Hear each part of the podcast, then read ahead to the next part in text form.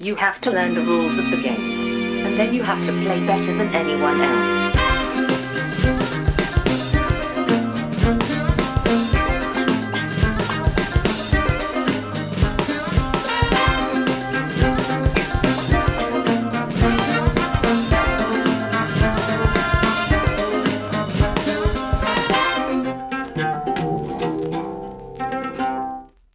Hej och välkomna till Vems tur är det mellan turerna? Podcasten där vi pratar om spel. Jag heter Marcus Brisman och med mig har jag som vanligt min bästa vän Humle till min Dumle, Johan Järrud. Okej. Kommer du ihåg Humle och Dumle? Ja, vagt alltså. Eller Vagt. kommer du ihåg? Det, det var väl egentligen före våran tid, rent tekniskt sett, men... men Ja, det var väl det, ändå var, ett här, det barnprogram fanns, det som fanns liksom fortfarande var... i min barndom, så... Ja, Ja, precis. Det var väl fortfarande på, på folks läppar, så att säga. Så att, eh, ja precis. Men sen var det väl Och något min- annat Humle. Alltså så här, jag heter Humle, du heter Dumle. Det är något sådär eh, annat som också är Humle Dumle, har jag för mig. Jag kommer inte ihåg. Nej, men det, alltså, det är Eller är de det jag samma tänker sak? på. Ja, precis. De bodde ju i... Vad hette han nu då? Eh, Kapten hmm, hmm, Skafferi. Ja, Jag måste go- Ja, googla ja. detta nu. Annars kommer jag att kunna sluta tänka på det. Kapten Bäckdals skafferi bodde de i. Okej. Och, och du är alltså Dumle och jag blev Humle. Ja, det är mest för att det är lättare att säga Humle Dumle. För man säger alltid Humle Dumle. Så, Det är, eh, det är inte som det är en större skillnad mellan dem, är det det? det tror jag inte. De är ju bara någons haka upp och ner. Med såna här googly eyes på. Just det, så är det ja. Nej, jag tror att min pappa pratade om detta eh, när jag var liten liksom, och, och visade en gamla klipp. Och så här. Jag, jag ser här nu, jag var tvungen att googla det. Det är 1958 startade det, så det är långt före våran tid. Oj, som jäklar. det, Ja, ja. Det var väl egentligen kanske... Så det, det, som du säger, det fanns fortfarande någon som pratade om det i alla fall när, när vi var unga. Liksom. Ja, nej, men jag känner igen det. Vi måste ju ha hört det någonstans från liksom. Ja, och så undrar man då, kommer godisnamnet ifrån det här då? Liksom? Humle, det är ju sånt man har i öl. Just Eh, och så är det andra ett godis. Så jag vet inte riktigt. Ja, det finns ett mysterium här tror jag som vi behöver Ja. gräva i. Man kan ju ganska lätt ta reda på när, när godiset kom då, om man bara googlar det liksom.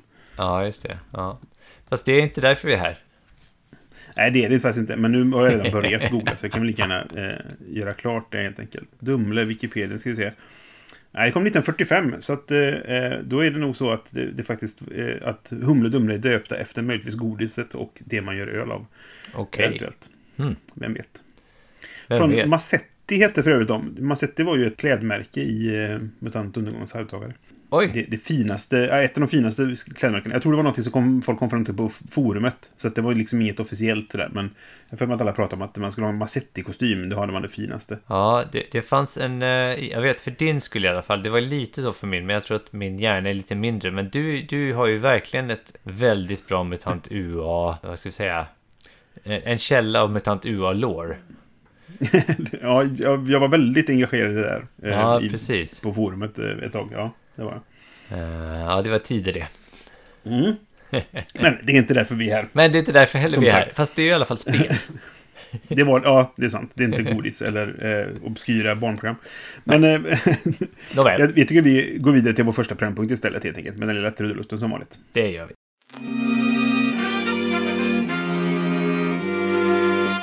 Och som vanligt så är vår första programpunkt Vad har vi spelat eh, sen sist vi spelade in ett avsnitt av det här podden? Jag kan börja om du vill.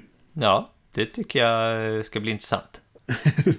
Jag spelade faktiskt, nu var det ett tag sedan vi spelade in och jag har spelat en hel del olika saker sedan dess. Jag känner, trots mitt, mitt liksom ganska begränsade hobbyutövande de här dagarna, så har jag faktiskt, känner jag också att jag har några spel jag skulle kunna nämna här. Ja, alltså vi, vi gjorde ju ett avsnitt av, av första intrycket om, om Red Rising och det har jag ju spelat 20 gånger till sedan dess, typ. Ja. Eller något sånt där.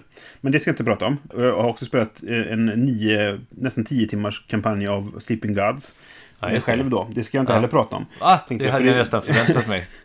Ja, jag vet, men jag- spelade in ett, ett, eh, ett avsnitt av första intrycket. Ett, ett solo, ett av mina berömda, jättespännande soloavsnitt som antagligen ingen lyssnar på.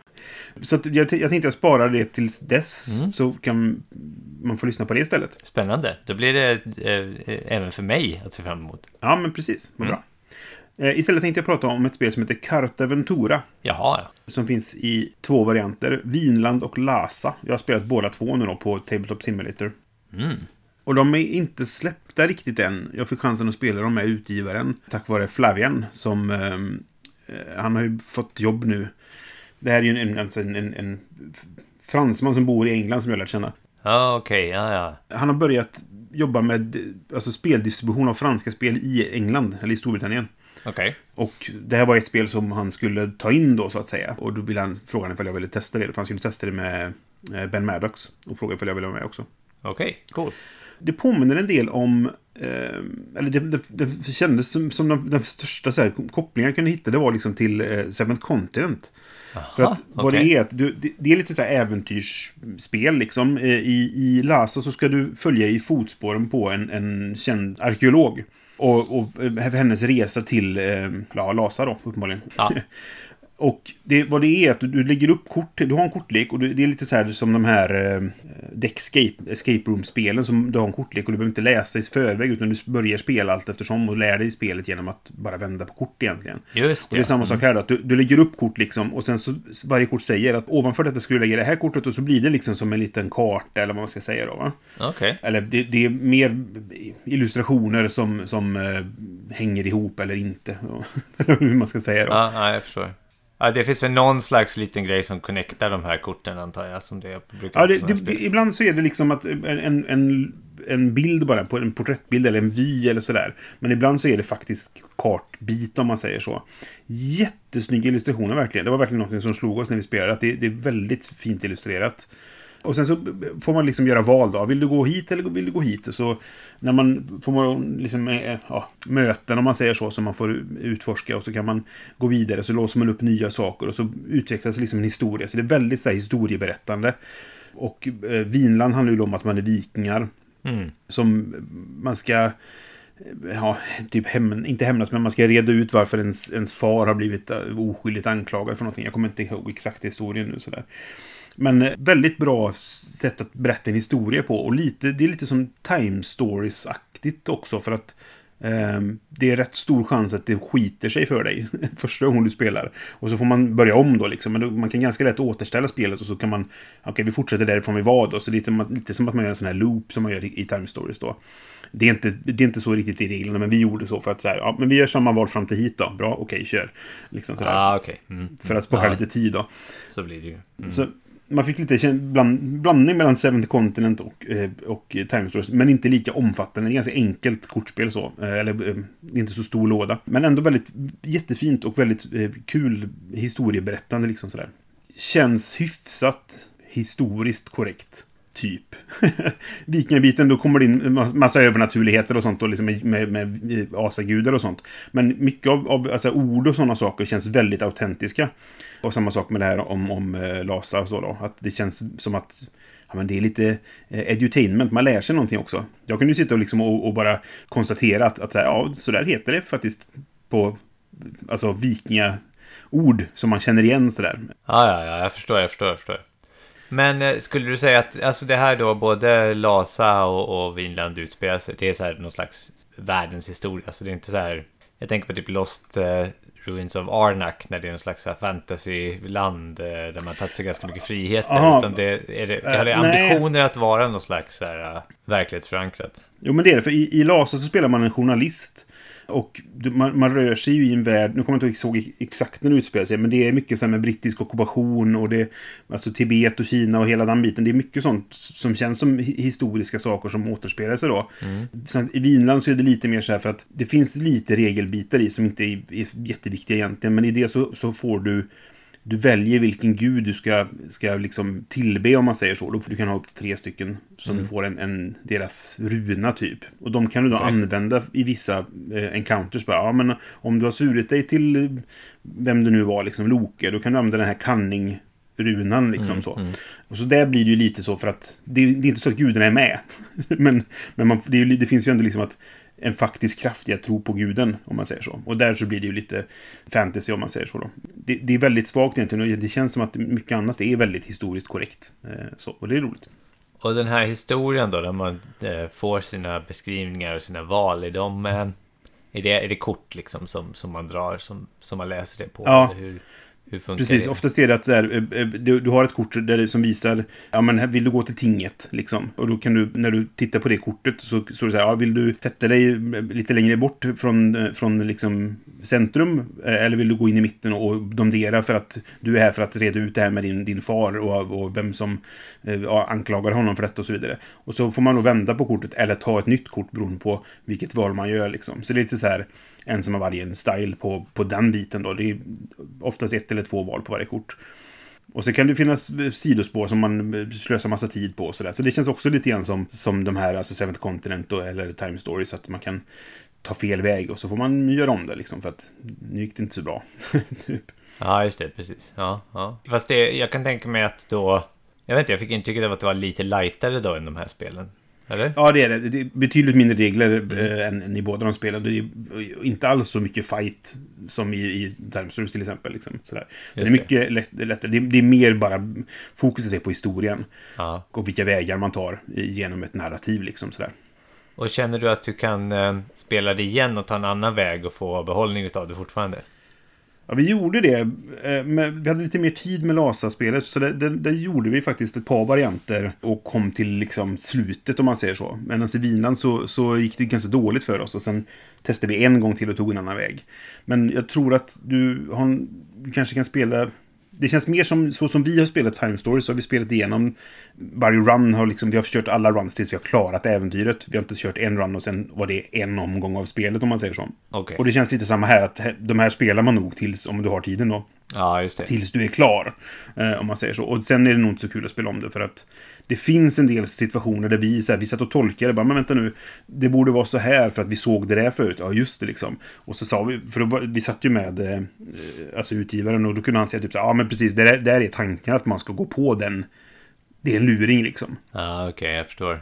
Att man, att man ska, man kan, det är nästan meningen att man ska tolka det fel. Och så kan man fundera på det, varför tolkar vi det på det sättet sen liksom. Då? Det låter ju som exakt nästan samma koncept som, som Time Stories. Ja, men lite så. Men, men mycket enklare och mycket snabbare liksom så. Så nej, jag tyckte Ja. det var väldigt trevligt faktiskt. Ja, okej. Och är väl tanken att det ska vara i någon sorts serie nu då. Ja. Som jag fattar så kommer det ut ganska snart. Om det var Q2 eller Q3, jag minns inte riktigt. Jag kan tänka mig att det redan finns på franska då att få tag på om man, om man kan det språket. Det, ja, de höll på med, med översättningen och eh, det, det var lite kul för när vi spelade så, alltså Ben, han, han är ju skådespelare, eller vill ju vara det i alla fall. Han är, han är så här misslyckad Okej. skådespelare som gör annat istället. Vet. Eh, eller, det, han är inte misslyckad. Han hör inte detta så jag behöver inte försvara honom. Men han, han, eh, han är inte, skådespelar inte så mycket nu för tiden. Han gör mest eh, eh, podcasts och eh, YouTube-videor. Men eh, han, han har ju en skådespelarbakgrund och har, har gjort mycket teater och sådana saker. Så att han läste ju alla korten. så att han, vi hade ju liksom en, en okej, ja, professionell kul. Na- narrator så. Ja. Och, eh, att, han, att han gjorde det så tyckte jag utgivaren bara, fan skulle du kunna läsa in några sådana här kort som vi kan ha som i en reklamfilm? Bara, ja, absolut, jag skickar en faktura, jajamensan. Så de gjorde deal där på, på stående Nice. fot liksom sådär. Ja, det är skitkul faktiskt. Och det gav ju mycket då. Och så fick jag vara, jag fick vara så här cultural consultant då på, på hur uttal Ja, på på, de, de, Vikingspelet, ja. men vi- vikingrejen då. Så, ja. Ja, men det låter kul. ja, men det var kul faktiskt. Eh, Så eh, det, det kan jag rekommendera att testa i alla fall. Och vad hette det igen? Card... Carte Ventura. Carta Ventura, okej. Mm. Mm. Kul. Vad har du spelat för något? Jag har spelat ett spel som jag tidigare haft på min sett fram emot-punkt. Ja, okej. Phantom, the card game. Ah, just det. Spännande. Det är någonting som jag har kickstartat. Eh, Mm. mycket, mycket ska jag säga på grund av att jag har läst Fantomen sedan jag var väldigt liten och fick ärva min pappas samling. Liksom. Så att jag, jag och Fantomen själv har lite samma tradition då. Eller typ så här att vi tar över efter våra fädrar. Ja, precis. Fast han bekämpar liksom bus och jag läser hans tidningar. Men det är lite samma grej ändå. Liksom. Så att, och jag, nu, jag prenumererar ju fortfarande på Fantomen och när jag läst klart dem så ger jag dem till pappa liksom, så läser han vidare. Ja, så, att, ehm, så jag var ju liksom lite eld och lågor över att det kom ett Fantomen-spel. Eller det har kommit Mm. flera Fantomen-spel faktiskt. Men det här var ett som jag kände att det kändes liksom mera välgjort och mera intressant än de andra. Liksom. Eller det finns ett, ett annat helt enkelt. Men ja. Ja, och det är gjort med svensk också. Precis, det skulle jag också komma till. Det, det var ju Kickstarter Mm. då, och det är gjord av en eh, svensk som heter Mikael Lyck. Det är då ett kortspel som kanske namnet antyder, The Phantom the Card Game. Där man tar då är skepnad av antingen Fantomen eller Diana som är hans eh, fru då, i serien. Ja. Ja, man kan välja. Man kan antingen spela två personer eller så spelar man själv liksom med en av de där karaktärerna. Jag hann Mm. inte så långt eh, innan vi skulle spela in så att jag kunde spela en gång med Diana också. Jag skulle velat gjort det, men det har jag inte gjort än. Men jag har spelat i alla fall första äventyret med Fantomen. Mm. Ja, du har en lek då, som är din liksom, ehm, ja, resurslek kan man säga. Player deck. Mhm. Där du har liksom eh, egenskaper som är unika till, till din hjälte då, vare sig, eller legend kallas det, vare sig det är Fantomen eller Diana. Och sen så har du olika liksom äventyrslekar. Så man väljer en äventyrslek först då som är liksom ett äventyr från Fantomens värld liksom. Okej. ja. Det är rätt intressant tyckte jag, för att det första äventyret är The Story of Devil. Det är hur Fantomen får sin varg som blir hans liksom följeslagare eh, genom serien. Ja, det, det. det var intressant nog, jag vet inte fasen om, om eh, Mikael Lyck det här, men det var, det, ett av de senaste numren hade den storyn i sig. Så det var typ så här, precis innan spelet kom ut så hade jag läst den där igen då. då. okay. um, ehm, Så, så då, då kunde jag ju storyn liksom. Eh, det var lite, det var lite kul. Ja, den kunde jag väl redan innan, men jag hade liksom försökt upp den då kan man säga. Och då, då be, bet man sig igenom den här storyn. Det kommer upp ett, eh, ett objektiv. Så här, typ så här, ja nu lägger du in de här korten på som de aktiva korten liksom. Och eh, när det här objektivet, eller när det här conditionet gäller, då har du uppfyllt det här så tar du nästa objektiv liksom. Och så fyller man på den här Åh, jag har glömt vad den heter, Destiny Deck tror jag. Med, eh, med liksom Okej. events och enemies. Ja. Så, så det handlar väldigt mycket om eh, att liksom, ja, egentligen slå sig förbi vissa fiender. Det är det, det, det, är det det kommer ner till, liksom, att man ska slå sig förbi Mm. vissa fiender tills man har uppnått ett condition och sen så går man vidare till nästa sån där condition. Då. Och, och det gör man genom att man har sina kort på handen. Och det här är väldigt finurligt. Alltså, du har tre kort på handen från början om du inte kan göra någonting annat så att du får flera. Och varje kort har en kostnad som du betalar i liksom resurstokens. Och sättet du får resurstokens på är att diskarda korten. Så de har en kostnad i resurstokens och så ett värde på vilka resurstokens de har Ja, okej. eh, man får när man diskardar dem. Så man får hela tiden göra det här valet liksom att ja, okej, jag vill inte spela det här just nu för att jag vill ha den tokenen så jag kan spe- spela det här kortet istället liksom. Mm. Och så kan man då spela ut kort som man sen kan använda genom att tappa dem för att liksom eh, kunna slåss bättre eller vad det nu kan vara. Eller hela sig och, och sådär va. Och, och den här mekaniken, och sen finns det en grej till som jag, som jag måste nämna också och det är att man kan göra en card check. Och det innebär att eh, vissa kort säger så här, gör en card check och så säger det, om du får en dödskalle eller om, om kortet du drar, eh, dess slängbonus är en dödskalle eller en, eh, nej inte slängbonus, förlåt, kostnaden är en dödskalle eller om det är ett så här goda märket eller om det är någonting annat så, så får du en viss effekt.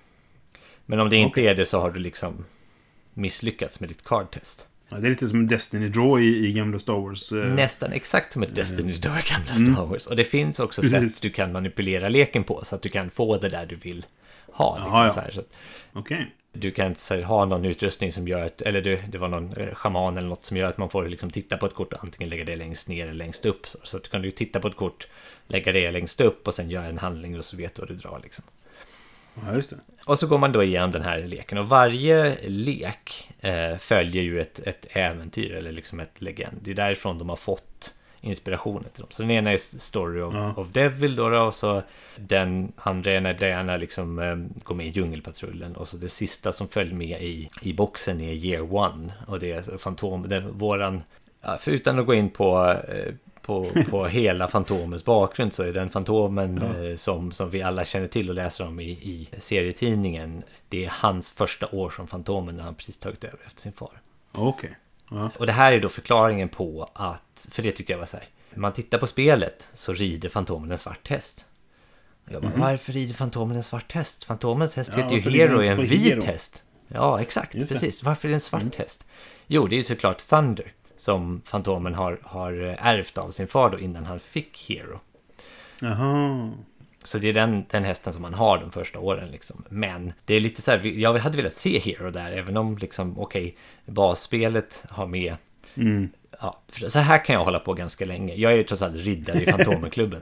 Så att eh, Ja, jag kan ha många sådana olika synpunkter. Men Hur omspelbart är det då? Alltså, om du, kan du spela samma scenario igen då? Ja, det, det kan du göra. Det finns ju, varje scenario kommer med olika svårighetsgrader. Så att jag spelade på normal, du kan spela på här, heroic och eh, mythic. Nej, du kan spela på easy också. Ja, då kan du faktiskt få lite olika effekter. Så här, vissa, vissa av de här lekarna innehåller kort som du bara kommer spela om du spelar på heroic till exempel. Ja, okej. Mm. Så att du kan ju spela om, eh, om du spelar på normal kan du spela, eh, du, kommer, du kommer kunna 80% av vad som händer, men det kommer in några extra kort då. Plus att det finns ett rätt intressant koncept med achievements.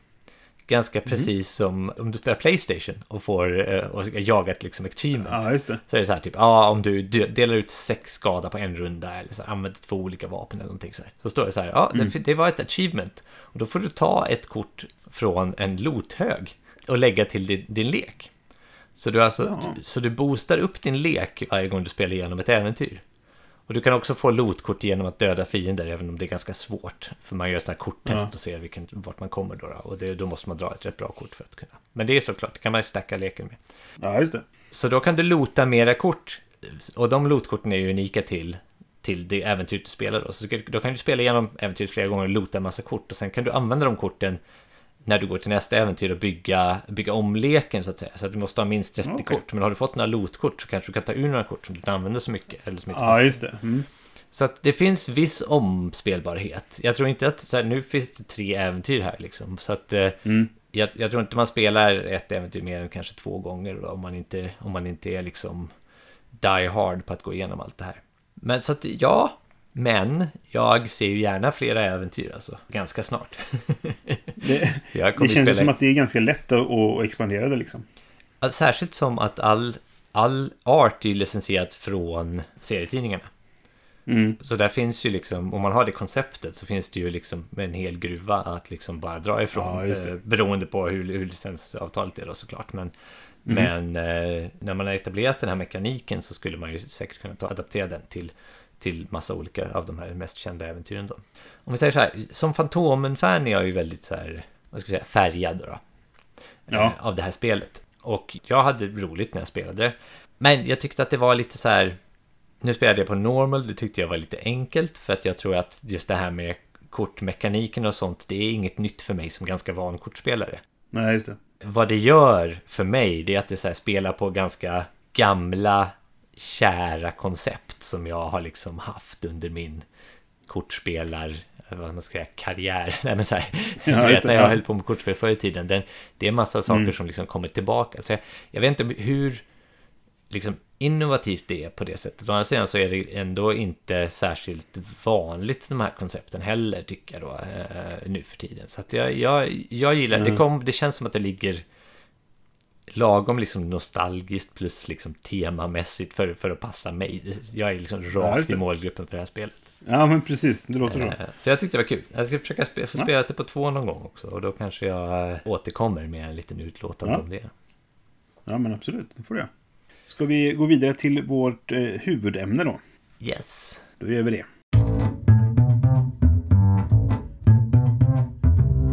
Den här gången hade vi tänkt prata om att spela själv. Alltså solospel eller att helt enkelt spela ett spel utan andra med en, en, någon sorts AI eller automa som det väl ofta kallas nu i vissa eh, spel och sådär. Ja. Är det någonting du gör mycket Johan? Oj, vilken bra fråga. Nej, det tror jag faktiskt inte jag gör mycket. Men du, du har gjort det och du gör det Jag ibland. har gjort det mycket. Jag gör det ibland. Du berättade just om Fantomen där du gjorde det så att uppenbarligen har Berätta du just om Fantomen. Jag, jag, har lite, jag tror att det är lite svårt. Jag tror att min fru skulle lida om jag drog in henne i Fantomen just för att jag kommer berätta så jäkla mycket kuriosa hela tiden som inte hon bryr sig någonting om. Men, ehm, men jag gjorde det precis nyligen, ja, precis. Och, jag har ju spelat ganska mycket själv faktiskt på senare tiden också. Så att jag, jag gör det Ja, mer nu, det, det här kommer vi kanske till, men är det någonting jag gör mycket? Ja, får jag väl säga nu då. Sen Ja. är det ju faktiskt mitt i en pandemi också, så att eh, det har ju spelat Det- in här då. det har ju definitivt påverkat eh, ens spelvanor så att säga. Ja, precis. Har du spelat mycket själv? Ja, alltså det går i vågor för mig känns det som. Det beror lite grann på vad jag har ork till. Men, men det går i vågor. Som sagt, nu har jag precis spelat igenom då Sleeping Gods. Just det. Som tog, det, det, över en vecka ungefär, så spelade jag lite per dag sådär. Mm. Och det tog ju som sagt då runt 10 timmar sammanlagt. Eh, Men före det så har jag bara spelat eh, väldigt mycket Red Rising, men det har jag spelat på, på Tabletopia då. Mm. Så det var inte riktigt så. Men jag, jag har spelat en del tidigare och jag tycker det är kul. Jag har gjort som sagt avsnitt då till första intrycket om, om att spela vissa spel själv då. Sådär. Just Eh, Det är ju för att det är lätt, lätt att göra sånt avsnitt. Jag kan bara sätta mig ner och spela själv och så spelar jag in. Det behövs ingen annan som Ja, att precis. upp liksom sådär. Jag tänkte jag skulle komma in på det här senare, men jag kommer in på det direkt nu. Jag hade, Mm. tidigare så var det väldigt viktigt för mig att jag kunde spela ett spel ensam. Mm. Alltså jag tyckte att så här, ha ett, spel, ett enspelarläge, jag tror jag pratade om det här innan också, då var det så här, ah, perfekt. Liksom så här, det, är, det är lite mer så här, det är någonting som skulle kunna pusha ett spel över liksom tröskeln för mig så att jag skulle köpa det. Liksom. Hade jag ett enspelare, då kan jag ju spela det själv, även om alla andra tycker det är skit. Ja, precis. Så att ehm, jag vill gärna kunna spela själv. Men frågan är om jag gör det så mycket. Nej, det, det där är någonting som jag också tittar efter när jag köper spel. Finns det ett sololäge så då är det ett extra plus i kanten liksom för att få mig att vilja köpa det kanske då. Det är där någonting som jag, det, det är väldigt vanligt nu för tiden. Det, är- jag vet ju folk som, som absolut men helt, ratar ett spel för att det inte finns ett sololäge. Då, då köper de det inte helt enkelt. Och sådär. Och så finns det folk som klagar på det då. och, s- och tycker att det, man tvingar fram ett sololäge som inte skulle behöva finnas egentligen. Liksom sådär. Just det. Ja, alltså det, det där är ju en intressant sak. Jag, dock så har man ju sett på flera spel som finns där ute som kanske är för två spelare, eller tre spelare, att folk gör liksom, ja, fan-made soloregler till vissa, vissa Ja. spel liksom, som, som kommer upp Ja. så att man kan spela dem själv. Så att eh, det finns ju en, en rätt, som jag har förstått det, stor community där ute där, där spelare tar de här initiativ. Jo, men det, det, det finns det. det, det alltså, nu är jag ju med en, en, en solospelsgrupp på Facebook då. Där, där folk eh, delar med sig av, av sina erfarenheter av solospel och vad, vad som kan vara bra och så vidare. Den har 23 000 medlemmar. Oj, tjena! det är en- Okej. Ja, så det är ändå rätt stort. Så liksom. Varför ska man spela själv då? Det kan vi komma in på. När varför spelar jag själv? Det, det, det tänkte jag att vi skulle diskutera lite grann, eller prata om. Men för många så är ju spel en social grej, och det är det ju för mig också. Mm. Jag, jag spelar ju mycket spel för att jag tycker det är kul att umgås med mina vänner kring någonting som jag tycker är roligt. Yes. Men det, det är kanske inte bara därför jag spelar spel. Nej, såklart. Utan det, det handlar ju om upplevelse också och, och underhållning. Liksom. Och hjärngymnastik. Precis, men det är ju inte kanske unikt till solospelen i Nej. sig. Nej, så är det ju. Men, jag tror vi kommer in på det lite senare. Men vi, vi, kan, vi Um, kan gå in på var, varför spelar vi solospel? Eller varför spelar vi själva liksom? Vad finns det för anledningar till att göra det? Jag har en, en liten lista som, som är mina anledningar. Ja, Så vi- jag kan, jag kan nämna min första och så kan vi gå vidare därifrån och se vad vi kommer fram till och vad vi, hur vi, var vi landar. ja, vart vi landar. Ja, Så att, eh, eh, min, min, min första anledning, för det, många säger så här, om jag inte har någon att spela med, då spelar jag tv-spel istället, eller datorspel.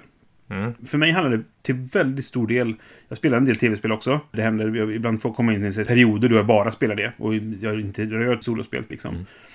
Jag, jag sitter och jobbar med en dator hela dagarna. Mitt jobb är, är liksom att sitta framför en datorskärm hela dagen. Och att spela solospel då, brädspel, analogt, det är liksom ett bra sätt att komma bort ifrån skärmen i slutet på dagen. Och göra något annat som inte har en skärm till sig. Och då kan det vara lite skönt att slippa sitta framför en tv liksom.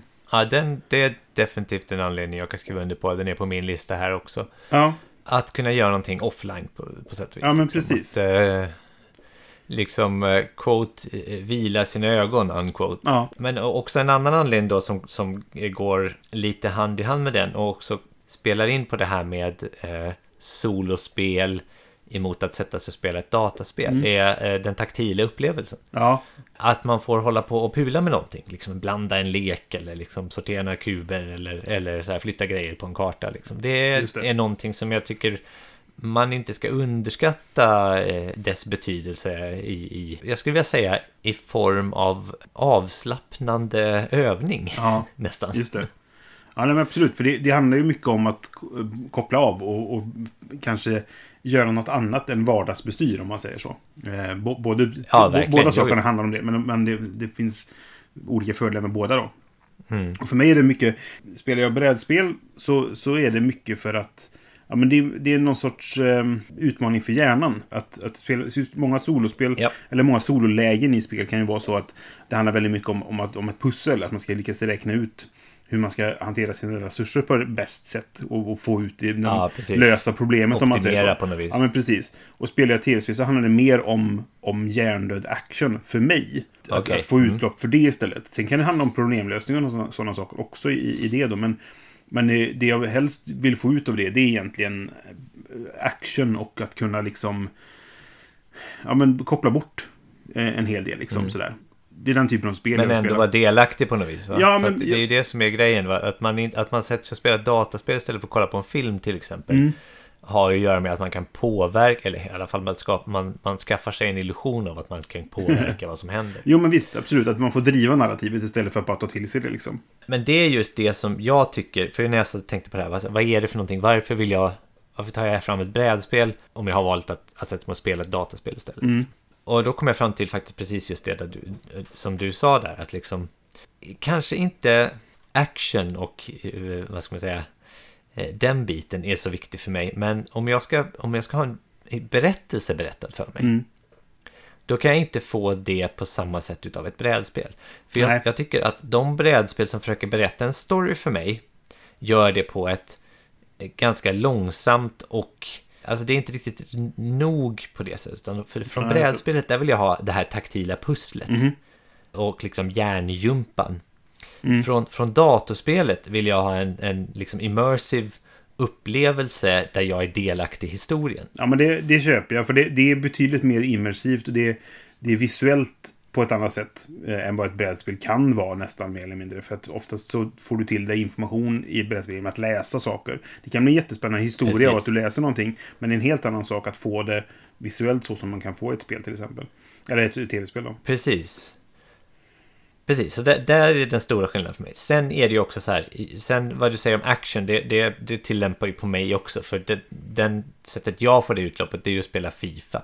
Ja, Du det. kanske Mm. spelar lite mer actionrelaterade skjutarspel. Men jag, jag spelar ju Fifa om jag vill ha liksom ren så här eh, mind-numbing eh, Just det. ja, eh, action kan man säga. Mhm. då. Men framför allt så finns det en fälla i dataspel och det är att det är mycket, mycket lättare att komma igång. Det är så, det är Så så. Mm. du har ju fördelen hemma att du har ett bord där du kan, liksom, du kan gå ifrån ett spel Jo, men det, och komma ja. tillbaka nästa dag. det var ju därför det, det funkar väldigt bra eh, med Sleeping Gods. För att det, det stod Ja, uppdukat och precis. sen kunde jag bara sätta mig ner. Och ibland spelar jag ju liksom i tio minuter. Liksom, Ja. Eller fem minuter. Så- Så satte jag mig ner och så körde jag lite grann och sen så blev jag... Var det dags att göra något annat då, eller vad det nu kan ha varit. Liksom sådär. Det, det, det är nästan snabbare än till och med vad man får igång ett, ett tv-spel på. Ja, precis, ja, verkligen. Ja. Men det, det, är ju, det är ju en lyx jag har, verkligen. Jag är privilegierad på det sättet. verkligen. Men, men jag känner då att, att den, den verkliga liksom skillnaden är just det här med pussel mot att uppleva en berättelse. Ja, just det. Ja, men det... Ja, jag skriver under på det också. Sen så är, finns det en annan anledning som man skulle vilja spela solospel och varför solospel är en bra funktion i, i ett spel. Och det är just för att kunna lära sig spel. Ja, precis. Så det, det är en grej som jag tycker kan vara intressant också. Att om man tänker så här, som, tittar vi efter att det finns ett sololäge i ett spel. Mm. För du och jag är väl sådana som lär ut spel till ganska stor Ja, precis. till ganska stor del. Då kan det vara bra att man har ett sånt läge och kan spela det solo innan, innan man tar det till ett bord med flera spelare. Ja, det, det är en jättebra funktion på det sättet. Jag, jag, inser, eller jag har insett med mig själv att jag är lite rolig med det där för att det finns ganska många spel. Ska jag recensera spel till exempel, då vill jag oftast att min första upplevelse är av det som multiplayer. Om det är ett spel som är avsett att vara främst multiplayer. Alltså, ibland, ibland får man liksom den känslan lite grann. När man läser spelet Ja. och säger att, att det här är gjort för att vara på fler, men det går att spela på en också. Det, det är lite tillagt som en, en just extra det. grej sådär. Att det går att spela själv också. Medan vissa spel kanske är, är lämpade för att spela själv. Ja, det är en rätt intressant, eh, det har inte jag tänkt på faktiskt. Nej, och jag, jag, på, något, på något sätt så ser jag lite fast i att är, känner jag att spelet är gjort för fler egentligen, vilket de flesta spel helt ärligt är, då vill jag ha den upplevelsen först. Sen kan jag innan jag Mm. gör recensionen faktiskt spela det själv också. För att dels för att se ifall soloversionen är bra, jag kan skriva med det i recensionen eller liknande. Men eh, även för att det är ett sätt för mig att testa spelet ett par gånger till utan att jag behöver ha, vara beroende av andra människor. Och det är oftast så att det finns en, en åsikt i alla fall, även om det kanske inte är från utgivaren så finns det en åsikt av, av communityn på Game Mm. Geek att det här spelet är bättre för kanske tre personer Ja, än det är på två personer. Och om man då, särskilt om man ska recensera ett spel som till och med jag gör ibland, så bör man väl göra spelet rättvisa genom att spela det eh, i, i den kontexten. Då. Så det, den, den poängen förstår jag, men, men vare sig man spelade solo först eller efteråt, det... Nej, det, Ja, det, det, det är egentligen ganska onödigt. För det, tror inte att det skulle egentligen påverka ifall jag testade spelet själv först och sen spelade på flera. Men det är någon sån här mental låsning jag har. Att, att, för jag har spel som Ja, står i hyllorna till exempel som att det här, det här skulle jag vilja spela. Spirit Island kan jag ta som exempel. Det är ett spel som Mm. jag har haft, jag ägt det i flera år nu. Och Just det. jag, det, jag skulle kunna spela det själv. Det sägs att det är ett väldigt bra solospel. Eh, och det är ju kooperativt sådär, så att du, du, det, det är inget problem att spela det själv. Liksom. Men jag vill spela de andra och jag, skulle, jag är lite sugen på att göra ett avsnitt om det av första intrycket också. Och därför har det liksom blivit stående. Det, det, det står bara Ja. där i hyllan för att ja, det är det här klassiska men det är så mycket annat som ska spelas också. Som, Ja, som inom måste spelas tidigare. Det har, det har blivit stående där, men jag skulle egentligen kunna ta fram det och spela det själv när som helst. Men det har inte blivit så. Man får ju prioritera helt enkelt. Du, både du och jag har väl vissa prioriterings... Alltså spelprioriteringar. Jo, men så är det ju. Ja. Som är de- delvis jobbrelaterade, så att säga. Ja, men jag kan tänka mig att jag tror att jag har, och det, det vill jag komma till också, om vi ska knyta upp den här diskussionen med att liksom hur viktigt det är att ha ett sololäge. Mm. Det brukade vara viktigare för mig, för jag tänkte att har det inte ett sololäge kan jag inte spela det själv, alltså kommer det stå i hyllan om jag liksom inte... Alltså jag, jag vill inte låsa upp ett spel på ett spelarantal. Nej, just det. För att jag vill, kunna, jag vill kunna spela det spelet när jag vill. Ja. Eh, Så därför tyckte jag solläget är jätteviktigt. Men nu när jag sitter med, jag vet inte, hu- hundra sådana spel i samlingen. Mm. Så blir det ändå liksom så här, ja jag ska spela ett solospel. Ja, jag kommer inte... Alltså då ska det vara mycket till innan jag börjar lära mig reglerna för ett nytt spel. Utan då tar jag kanske ett spel, annat spel som jag tycker är bra. Ja. Och sätter mig och spelar det istället. Liksom. Mhm. Så att jag vet inte riktigt just idag, det brukar vara mycket viktigare för mig än det, än det är idag. Och just idag så tror jag inte att, att det har ett sololäge är, är avgörande för mig längre. Nej. För att jag har redan så många spel som har sololägen som kanske står Ja. ospelade. Alltså ospelade på det att jag har inte spelat det i, i solvariant. Nej, just det. Nej, och så är det nog för mig också. Att jag inte... Det är, så här, det är inte en dealbreaker. Att eh, spelet inte har ett solläge längre. Men jag tycker det är trevligt när det finns. För då skulle jag kunna testa det själv. Liksom sådär. Ja, men som Red Rising till exempel. Där, där vi spelade det. Och sen har jag testat det solo. Och jag tycker det funkar jättebra att spela själv. Jag har gjort det säkert 20 Verkligen. gånger som sagt. Ja, jag, jag ligger nog på eh, 10-15 också. Ja. Men, men det, för det är en annan punkt som jag har på min lista då. Det är att, eh, det här med att, att fördjupa sig i ett spel och testa strategier. Att, att man kan lära sig att bli bättre på ett spel. Och det har, har då att göra med att lära ut spel också. För att jag tror att du kan bli bättre på att lära ut spelet.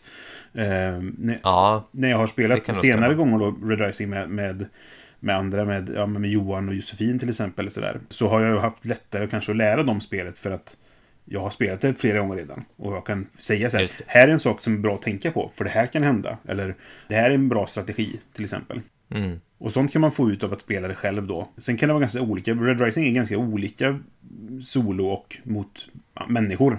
ja det är det. Det är det. Den AI är väl, väldigt lätt att använda, men den är också, den tar inte Ja. beslut utifrån... Den kan inte ta några faktiska beslut. Att, att Nej, en, en mänsklig spelare kan se att det där kortet ska inte Brisse få tillbaka som han just spelade ut. Medan det var det som var min förhoppning att jag skulle kunna få det till exempel.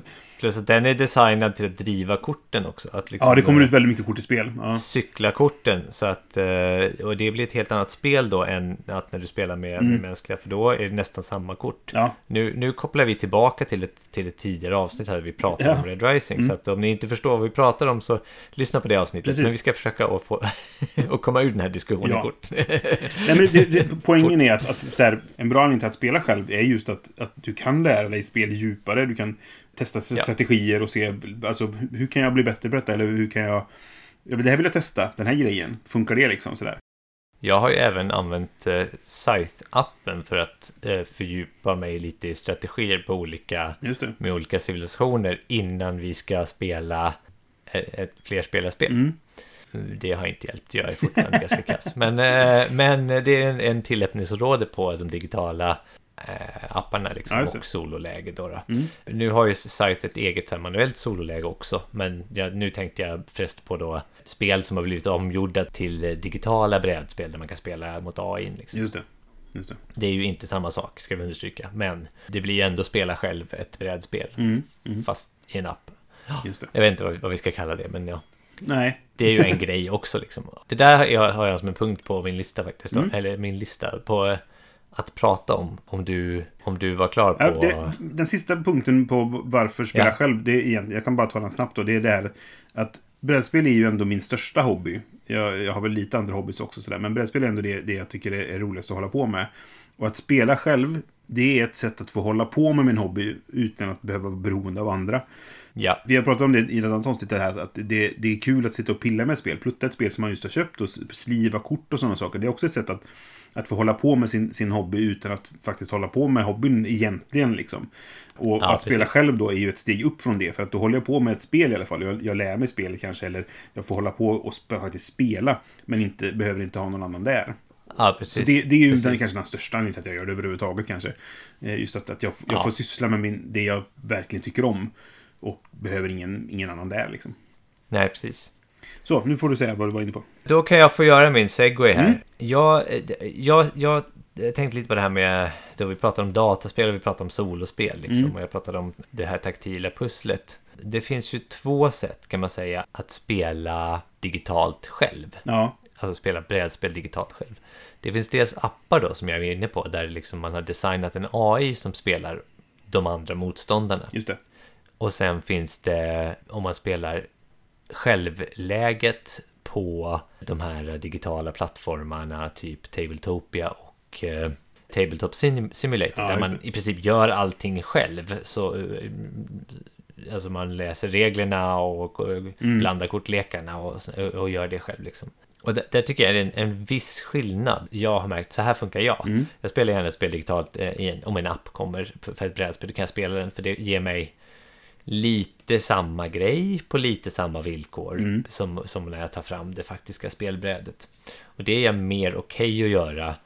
Men kanske inte som en, som en stor liksom, tidsinvestering utan snarare kanske på resande fot eller någonting sånt där. Ja, precis. Det, det där kan jag skriva under helt på. Mm. Men att ta fram Tabletopia Mm. eller eh, TTS för att spela sololäget på ett spel, Ja. särskilt ett spel jag redan har, det, det, det funkar inte för mig. Jag har försökt flera Okej. gånger, och, men, men eh, jag kommer inte in i det. Nej, så det är nej. jättekonstigt. Jag borde göra det känner jag. Alltså jag borde kunna komma in i det. Men jag, det, är här, det ger inte mig alls samma sak som att sitta och faktiskt fysiskt dra korten och flytta eh, pjäserna och sådär. Utan jag tröttnar på det. Det är, det är lite så här, det är lite skämmigt nästan att erkänna det. Men alltså, jag, jag tröttnar på det. Ja, För jag har varit och tittat liksom Tabletopia ganska mycket spel som man kan spela gratis Mm. i sololäge. Och jag, och jag, jag har gått in i dem och sagt nej, nej, nej, men jag, det, ska, det måste vara ett spel i sådana fall som jag inte har, för annars så tar jag mycket hellre fram det spelet. Då kommer jag till att negera egentligen en av fördelarna mina, när jag spelar det här och det är att du kan lämna ett spel, ja, precis som du hade ett bord som du har, och sen komma tillbaka till det. Men ja, det, det, det liksom funkar inte för mig helt enkelt. Ja, jag vill spela spelet. Så alla, alla de 15 gångerna jag har spelat Red Rising till exempel, då har jag gjort det med min egen kopia av spelet. Ja, det. liksom. Medan du, jag vet du har spelat på, de flesta av de gångerna har du spelat på Tabletop. Jag har inte spelat någon gång med min fysiska kopia. Så jag, jag, jag har gjort helt... Men det, å andra sidan så är Red Rising det enda spelet jag har spelat solo på det sättet. Jag, har- jag, jag Okej. har inte spelat några Ja. andra spel alltså, som inte har varit en, en eh, faktisk utgiven digital implementation av ett spel med en AI och, eller vad det nu kan vara då. Så att jag, det... det Ah, okej. Jag skulle säga att det var lustigt först, kände jag, men, men samtidigt så har jag inte gjort det själv direkt heller förrän med Red Rising. Och där är ju fördelen att, att jag har gjort det som en lunchunderhållning till ganska mycket. Att så här, Ah, precis, ja. Jag har käkat och sen har jag kört en omgång, liksom, för det tar 20-25 minuter. Och det hade... Bara sätta upp spelet hade tagit halva den här tiden. Spela, Ja, spela det precis. fysiskt ja, men det är verkligen, ja, ja, oh, ja. Det tar ju mycket längre tid för mig att spela de här Mm. omgångarna än det gör för dig förmodligen. Men det var en sak som jag har liksom upptäckt om mig själv. Ja, just det. liksom. Så där är ett sololäge eh, på spel som jag som inte liksom mm, lockar mig. Nej, det var spännande. För jag, jag håller med dig om det här med att, att spelar jag Scythe Digital Edition till exempel, liksom. Det räknar inte jag som att jag har spelat brädspelet. Oftast, liksom. Mhm. Kan- Inte ens, nej. nej det Kanske nog om jag spelar den mot någon annan. Men jag, jag för inte statistik. Jag spelar aldrig sådana spel mot någon annan i och för sig. Det, det, Ticket to Ride har vi spelat. Vet, på, på en lång resa så här ska man inte spela. För just man det, kan ja, ha det i offline-läge och skicka runt telefonen till exempel. Det har vi gjort. Och jag just det, Carcassonne mot min sambo när vi åkte tåg och sånt.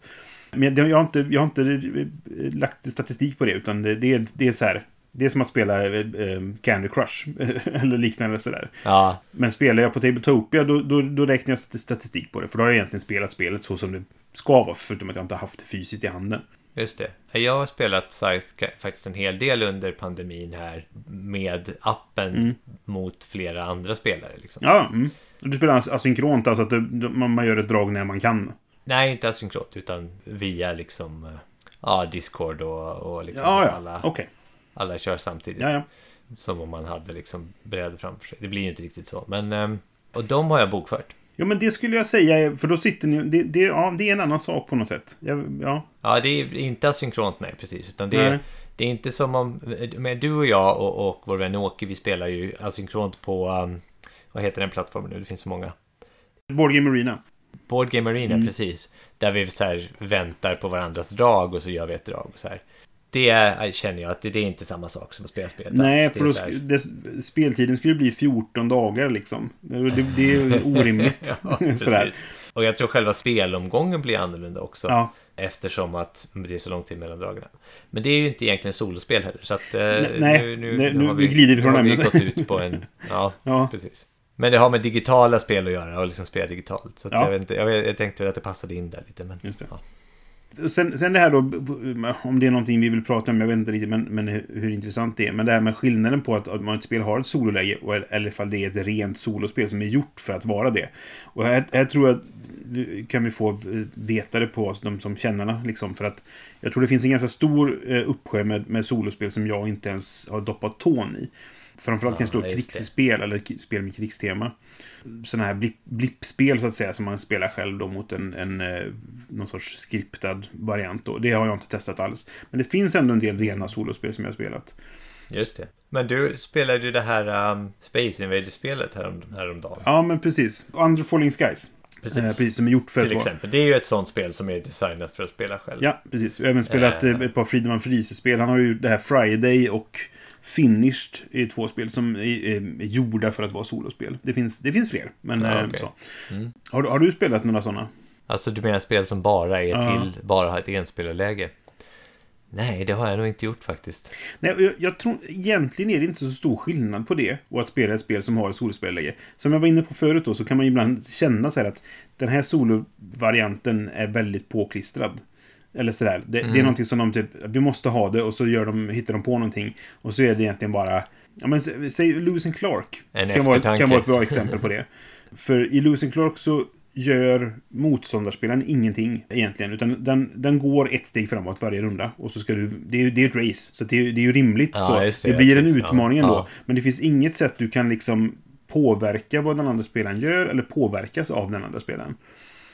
Nej, just det. Så det, det, det Mm. känns som ett väldigt påklistrat sololäge. Jag tycker fortfarande det Mm. funkar. Jag har spelat en del and Clark Solo för att det är ändå mitt favoritspel. Och det är fortfarande spännande för att det är en, det är en utmaning att den där botten bara går och går och går. Och det är som en Terminator som aldrig slutar liksom. Utan den bara väldigt målinriktat ska mot målet liksom sådär. Men det är inte, det finns ingen interaktion på något sätt liksom. Nej, nej precis. Men sen, sen får man väl också anta att om man gör ett rent solospel så, har, så är det ordentligt kalibrerat för att spela solo också. Liksom att man, Ja, ja. Det finns ingenting som riktigt lämnats till slumpen eller något scenario som inte Nej, har tänkt på. precis. vilket Jag kan tänka mig att det kan lätt bli med ett, ett, eh, ett sololäge som, som är mer av en eftertanke. Liksom. Mm. Nej, men exakt. Är det, är det gjort för en spelare, då är det ju det. Då, då är ju allting uttänkt utifrån det. Medan finns ett sololäge i ett spel så har de antagligen gjort spelet först och sen har de lagt till ett sololäge. Sen finns det ju undantag där också. Vi har, ju- är någon som är känd för detta, det är ju David Tur- Turksey som, som eh, han designar ju spel för, för flera spel också, men han är ju lite känd för att göra solospel, eller sololägen till spel. Och även han, vad heter han som gör alla till, eh, och Thomas till eh, Stonemaier, Morten någonting. Ja, just det. Mm, något sånt. Så det, det, det finns ju folk som, som gör det och de, det är deras, de är dedikerade på att göra det. Liksom, Det är deras nisch. Ja, men lite visst. så. Och då, då känns det som att det fortfarande finns en hel del tanke bakom det. Eh, vissa spel har ju väldigt ganska avancerade solo-AI, om man säger så. Det jag gillar med, med Red Rising till exempel är att den AI är extremt lätt, men ändå känns som en faktisk motståndare på något sätt. Som spelar annorlunda än som sagt mot människor då, men den, det, det, den gör saker och den påverkar dig. Den gör saker som påverkar Mm. dig precis. Så man får alltid liksom tänka lite så här, om jag gör så här, Mm. då kan den komma att göra så. Ja, precis, exakt. Ja. Nej, men det håller jag med om. Ja, vi, vi pratade om förr att vi skulle ha en, en lista på tre stycken bra spel som vi, eller spel som vi tycker är bra att spela själv. Så att, eh, ska vi gå in på och ta våra... Jag tänkte, vi, rankar dem inte, utan vi, vi nämner tre spel som vi tycker är bra solo, utan inbördes eh, ranking. Vad tror du om det? Mm. Ja, men det tycker, jag, det tycker jag vi gör. Ja. Jag har tre spel här. Vill du börja? Ja, jag kan börja. Mm. Och då tänker jag ett spel, nu är det här recency bias, men ett spel som vi redan nämnt, Red Rising, tycker jag är jättebra solo. Japp. Det har du sagt också. Det Japp. är säkert på din lista också. Det, jag tycker det är verkligen bra, det är lagom långt och det gör att man får en lite annorlunda spelupplevelse än när man är flera också. Så att man, man ser fler kort, vilket innebär att man också lär sig mer kort, man Mm. lär sig mer av spelet. Och det är en hygglig utmaning. Och sen så har du ju då det här, min första grej vad gäller varför, vad, vad gör, tycker jag ett solospel ska ha. Mm. Och det är att du får en poäng. Ja. Det är inte liksom att du klarar av spelet Nej, att, eller, eller något sånt där. Utan du får en poäng. Liksom. Det innebär att du kan tävla mot dig själv så att säga. Just det. Och, och det tycker jag är en viktig grej. Liksom. Jag vill kunna spela ett spel. För att om jag tycker ett spel är bra solo. Då vill jag ju kunna spela det igen. Om Mm. slutresultatet är liksom att ah, du klarade spelet. Då är inte det samma inc- incitament att spela det en gång till. Just det. Men en- om, om det är så att jag kan, jag, kan, jag kan få en poäng som jag dels kan jämföra med en tidigare omgång som jag har spelat själv och kan jämföra med dig. Ja. När du har spelat själv så är det någonting som gör ett spel mera värt att spela. Liksom. Mm. Ja, men det, det, jag köper det. det. Det där är en diskussion som, som kommer upp då och då i det här solospelsforumet på, på Facebook. Och det är det här, för det man säga, det är beat your own score. Brukar det kallas helt enkelt. Just det, ja det låter ju rimligt. Och det finns en hel del folk som, som inte gillar det. För att de tycker att det är inte, det är inte där... Alltså, jag vill åstadkomma någonting. Förutom att slå min egen score, om man säger så. Jag, jag bryr mig inte så mycket, men det, är- det är ändå intressant. Jag tänker på, jag har spelat en hel del Terraforming Mars solo. Ja, just det. Där måste du klara spelet. Och sen så vill, är det gött om man får mycket poäng. Så det finns två, det är en tvåstegsraket liksom. Där jag först, Mm. först måste lyckas med att uppnå de här, alla, de tre målen för att, Just för att terraformera Mars. Och sen så är det gött att få mer poäng än vad jag fick förra gången, så att säga. Och det är lite så i Red Ja, Rising precis. också. För där, måste, där vill jag slå AIn. Och sen Ja. dessutom då min, kanske mina förra poäng, om man säger så. Ja, precis. Men, eh, men inte lika mycket. Jag tycker Terraforming Mars är lite mer så här snävt på det sättet. Ja, det, det, väldigt, det finns ett väldigt tydligt mål där. Terraformera Mars eller inte. du, Sen, sen så beror det väldigt mycket mer på vilka kort som kommer upp. För du kan ju Ja. få en ganska ofantlig scoringmaskin där ett, en omgång. ja. För att du drar vissa kort liksom. Och sen så eh, nästa omgång så visst du klarar objektiven i spelet. Men din score blir inte alls lika mycket eftersom du inte hade lika mycket Nej. microbes eller någonting. Och jag, när jag spelar Terraforming Mars solo så, så eh, kort som bara ger mig poäng, de spelar jag inte ut. De, de, de sållas bort ganska snabbt. Liksom. För mig i alla fall. Mm, mm. Ja, jo, eh, jo, jag hade Red Rising på min lista fram tills Mm. Alltså precis före vi började spela in egentligen. Eh, för jag tycker att också att det är ett jättebra solospel. Det funkar väldigt bra. Det är som du säger, man får chansen att lära sig hur olika kort funkar. Eller liksom beter sig i spelet. Hyfsat bra jämfört då med, med mot flera spelare. Just för att du får se så många kort. Men jag, precis före vi började spela in nu så petade jag faktiskt för just Sleeping Gods. Jag slänger in det som är helt nytt här liksom. Ah, okej. För jag tyckte att det var en Då får vi höra lite om det Ja, precis. Men det, det är kul för jag pratade med Mike Delicia om det efteråt lite grann. Och, och för, jag, han gillar spelet väldigt mycket och så frågade jag typ så här, tyckte du att det var bäst? För han är ju mycket för solospel, det var ju så han började. Hans, hans eh, YouTube-kanal hette ju Solo Mode. Och, och det var, det var hans, han, så han blev känd i hobbyn så att säga. Och, eller jag frågade honom så här, eh, tyckte du att det var bäst solo på multiplayer? För att jag tyckte att det var väldigt bra solo. Och jag satt när jag spelade och kände så här, jag vet inte om jag vill spela det här på flera. Att det kanske är ett spel som jag, Ja, jag föredrar solo liksom. Och han hade föredragit multiplayer. Mm. Så då blev det faktiskt så här, okej, om han som ändå är Mr. Solo Mode tycker att det är Mm. bättre på fler, då måste jag nog testa det på fler i alla fall. Ja, det måste du verkligen. Om du har tyckt så mycket om det på solo. Så. Ja, precis. Men jag, jag nämnde det här nu för att jag, det, det känns som att det är ett spel som... Problemet är ju oftast att det här med att få ihop en grupp och spela samma spel flera gånger. Och ett spel som tar 10 timmar själv, Ja, just det. då du inte har någon diskussion överhuvudtaget. Det kommer ta antagligen en och en halv till två gånger så lång tid att spela med flera. Och att lyckas få ihop en spelgrupp och spela samma spel i 20 timmar, eller 15 timmar säger då. Det kommer inte hända. För mig. Ja, nej, precis. För så, det, Nej. det är inte så mitt spelande funkar. Liksom så här. Och det, det har också mycket att göra med att jag måste spela recensionsex och vad det nu kan vara. Va? Och jag tycker det är kul att testa nya spel. Och därför så funkade Sleeping Ads väldigt bra för mig. För att jag, jag fick ett, ett spännande narrativ. Apropå det vi var inne på förut då. Att det, det, det var väldigt, inte immersivt, jag inte det var. Men var, jag ville ta mig vidare och se vad mer kan jag upptäcka. Eh, och då menar jag inte spelmekaniskt, utan upptäcka faktiska platser och liksom texter som jag får läsa då. Sådär. Ja, okej. Ja, ja. Mm. Och det uppskattade jag väldigt mycket. Och det skulle jag ju få om man spelar på fler också. Och det skulle vara kul att dela den upplevelsen med flera. Men det skulle, jag, jag tror att det är nästan omöjligt för mig att få till att spela det med flera. Där har du en till princip då, tycker jag, som, man, som, som jag tycker att ett, ett bra solospel ska ha. Just att det finns en upptäckarvariant där du kan liksom så här, spelet blir kanske inte, antingen blir det inte lika varje gång du spelar det, Nej. eller så, så finns det olika vägar att ta liksom. Eh, Eller att det på något sätt du kanske bygger någonting, liksom. du bygger en karta eller någonting som Ja, också blir det. olika. Liksom, så att du verkligen har, har, har liksom någonting där som är annorlunda varje gång. Eh, och vill man som sagt veta mer om, eh, om Sleeping God så kommer det komma ett avsnitt av första intrycket där jag spelade just solo snart. Efter att det här programmet, eh, eller avsnittet är släppt så kommer det komma eh, snart efter det. Woho! Vad har du mer på din lista? Nästa spel, nu för att liksom undgå recency bias lite då, Mm. så vill jag ta upp eh, The Lord of the Rings, The Card Game, Living Card Game, Just det. Fantasy Flight. Mhm. Det är ett spel som jag tycker jättemycket om att spela själv. Mm. Dels för att det är väldigt tematiskt. Du är liksom så här, ja, en samling goda hjältar mot ondskan på olika sätt. Ja, just det. Och varje liksom, det finns ju jättemånga olika cyklar med jättemånga olika uppdrag i det. Men varje uppdrag är en liten, eller varje cykel är en liten story i sig som hör, hör ihop liksom. Så kanske en cykel är en sju, åtta äventyr som du ska ta dig igenom för att få en komplett story. Mm. Det andra med det spelet är ju att det har ehm, en deckbuilding funktion liksom. För att jag, och då är det jag som gammal kortspelare, jag kan bygga en däck Mm. som jag ska ta mig igenom det här spelet med. Och jag kan bygga om den emellan de olika äventyren. Och jag kan också bygga olika däckar och pröva samma äventyr med. Så Just det.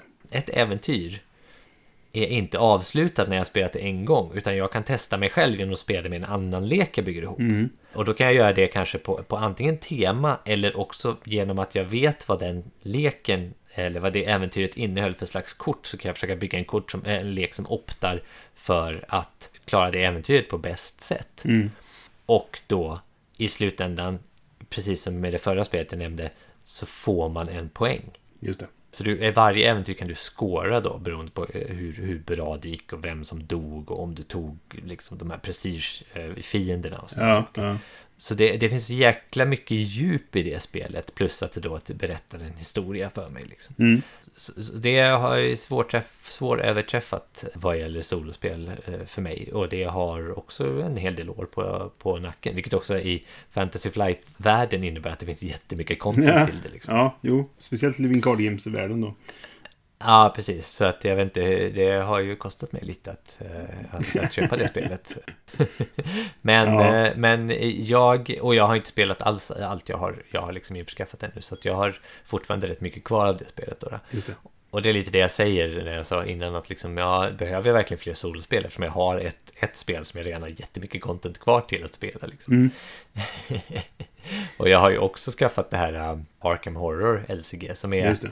Inte lika bra men ändå samma stuk. Liksom. Just det. Eh, Ja. Jag vet inte om man får en poäng i slutet av det dock. Men ja, Det minns jag inte faktiskt om man får. nej. Nej, inte jag heller.